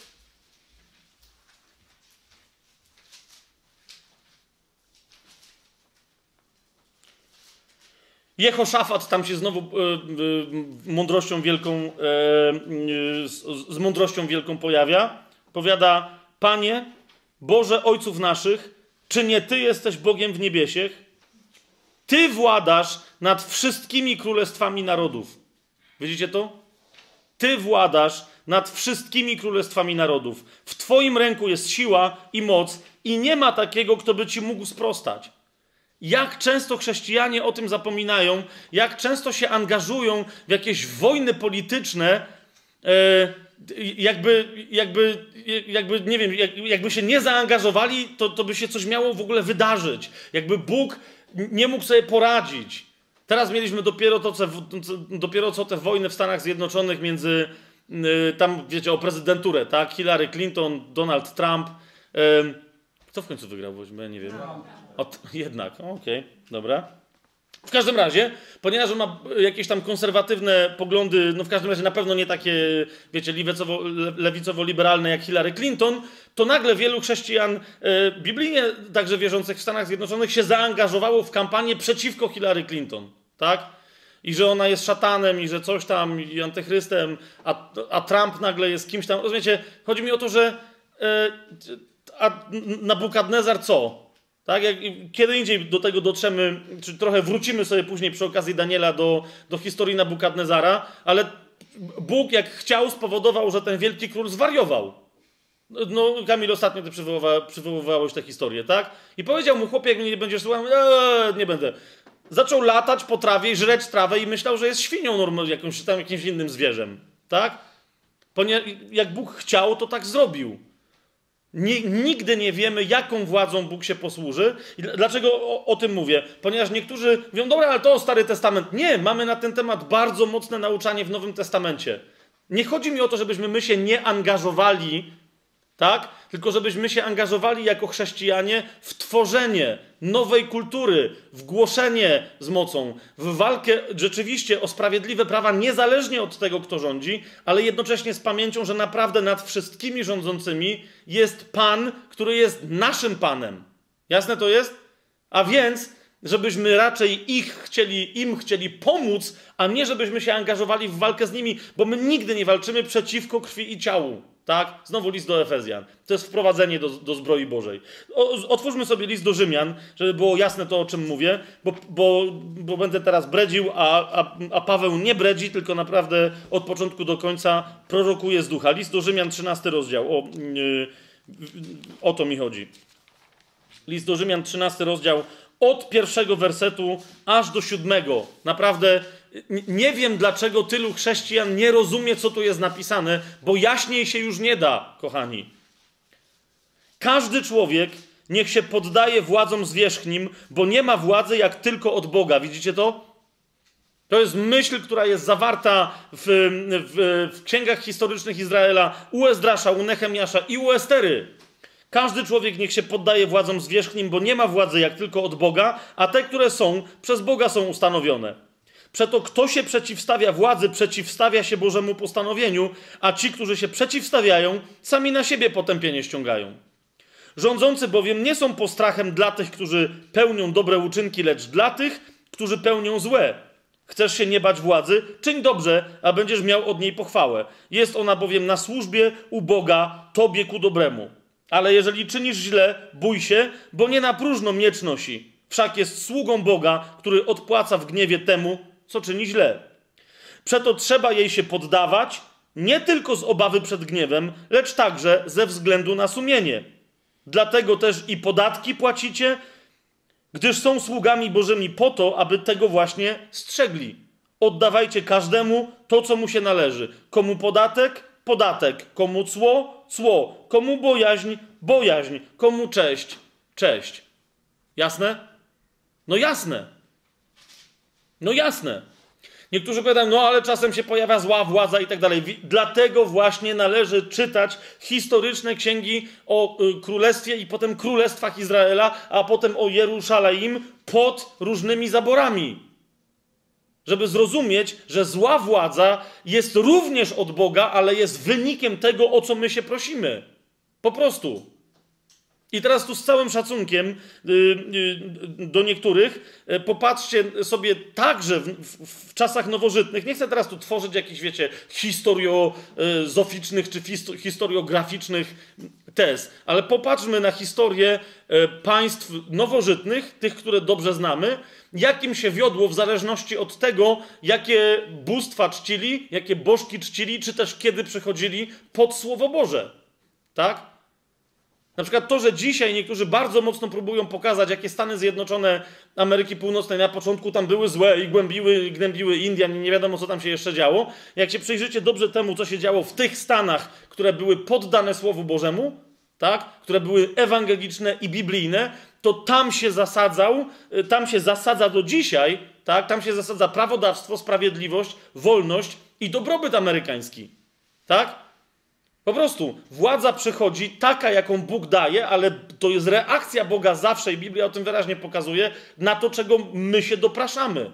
Z całym szacunkiem, jeżeli Polska w pewnym momencie poddaje się pod władztwo królowej jakiejś, nieba, tak, i, i ziemi, i tam jeszcze czegoś, o której Biblia mówi wyraźnie, kto to jest ta królowa, jeżeli się poddaje jakieś ślubowania składa yy, i to ma przynieść Polsce jakieś zaszczyty, a Polska potem, rozumiecie, popada pod zabory, znowu nie chcę mówić, że to koniecznie ma jedno związek z drugim, ale przynajmniej widać, że całe to poświęcenie się całego kraju yy, tejże istocie niespecjalnie temu krajowi pomogło, tak? No jak coś nie działa, to może zastosujmy coś innego, może wreszcie przyjmijmy yy, Słowo Boże. Tak? A, a, nie, y, a nie jakieś opowieści dziwnej treści. Teraz jeszcze raz. nadal, niezależnie od tego, co ta władza robi, o ile nas nie zmusza do bałwochwalstwa, to jest kolejna rzecz, o ile nas nie zmusza do czegoś, co jest absolutnie niezgodne z naszym sumieniem, bo o tym mówi Paweł w piątym wersecie, tak? On nie mówi, że mamy bezmyślnie się władzy poddawać, tak? Ze względu na sumienie. 13 rozdział, 5 werset. Ze względu na sumienie. Jeżeli władza nam łamie sumienie, to, to nie musimy absolutnie jej słuchać. Ale niektórzy zaczynają sobie naciągać sumienie jak gumę, rozumiecie? I mówić, że no ten podatek to już uważam za złodziejstwo w tym kraju, to tego nie będę płacił. Tu i tak dalej, i tak dalej. Tak? Przyjrzyjmy się dobrze temu, na ile coś rzeczywiście jest niezgodne z sumieniem, na ile coś jest opresją, albo represją. My, ja się zgadzam, że my żyjemy w państwie w dużej mierze opresyjnym i represyjnym. Są państwa bardziej represyjne niż nasze, są mniej. E, idzie mi tylko o to, czy rzeczywiście za każdym razem jako chrześcijanie postępujemy w zgodzie ze swoim nowotestamentowym sumieniem. Czy po prostu, jak przychodzi co do czego, to zaczynamy władzę traktować jako coś, to jest z tego świata, ja jestem nie z tego świata. Jeszcze raz, Paweł, 13 rozdział. Dosyć jasna instrukcja na temat, na temat tego, jak, jak mamy postępować. Co się dzieje potem, bo powiedziałem, że Księga Estery kończy księgi historyczne Starego Przymierza.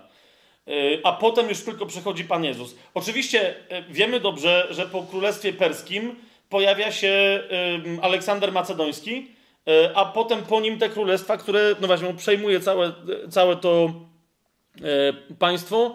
Potem powstają cztery, e, cztery pomniejsze, a potem przychodzi Rzym, tak? Czyli po Persach przychodzą Grecy, po Grekach przychodzą Rzymianie. Chodzi tylko o to, że ta, to przyjście Greków za specjalnie Biblii nie interesuje. Są księgi te apokryficzne, księgi tak zwane machabejskie, które pokazują, co się tam działo, tak?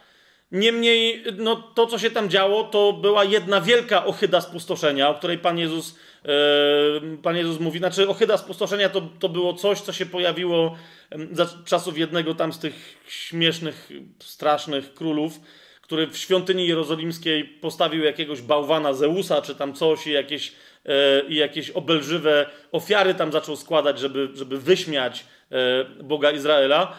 Chodzi mi tylko o to, że no nie ma sensu za bardzo tego zgłębiać. Ważne, żeby to wiedzieć. Pan Jezus i Nowy Testament do tej mm, ohydy spustoszenia nawiązuje, mówiąc o tym, że kiedy przyjdzie antychryst, to on taką ohydę spustoszenia jeszcze raz, e, najohydniejszą z wszystkich możliwych, do e, świątyni wprowadzi. Tak? Niemniej, jak mówię, e, Biblia natchniona nie ma potrzeby e, o tym opowiadać. Niemniej jest jeszcze jedna księga, którą sądzę, że autor natchniony, czyli sam Bóg, uznał za w pewnym sensie historyczną, a nie moralizatorską.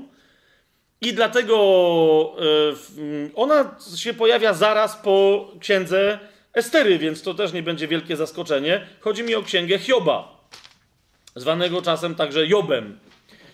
E, otóż uważam, że, że z wielu względów nie, nie w tym sensie jest to księga historyczna, że kontynuuje opowieść o Izraelu, ale w, dużej mierze podsumowuje to, o czym także teraz mówimy, a jest to, jak mocno Bóg w historii działa. Przekazuje parę niesamowitych y, y, informacji historycznych, o których y, niektórzy, jak o nich słyszą, to się uśmiechają, a potem się dziwią, że to jest prawda. Księga Hioba przekazuje parę y, konkretnych informacji naukowych, y, które my naukowo odkryliśmy na przykład paręnaście albo parędziesiąt lat temu, a Księga Hioba, kto wie, czy nie najstarsza z wszystkich ksiąg w Piśmie Świętym, znaje tak o, ponieważ Bóg je tam objawia.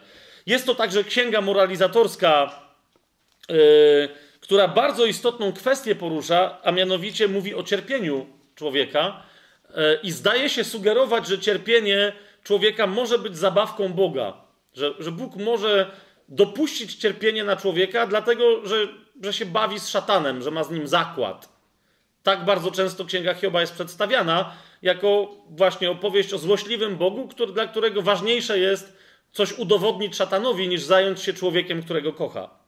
Tak oczywiście nie jest, ale o tym wszystkim następnym razem, jak się spotkamy, rozważając Księgę Hioba, co jednocześnie będzie. Yy, ostatnim, z tego co rozumiem, y, spotkaniem, ostatnią konferencją y, drugiego sezonu, tak?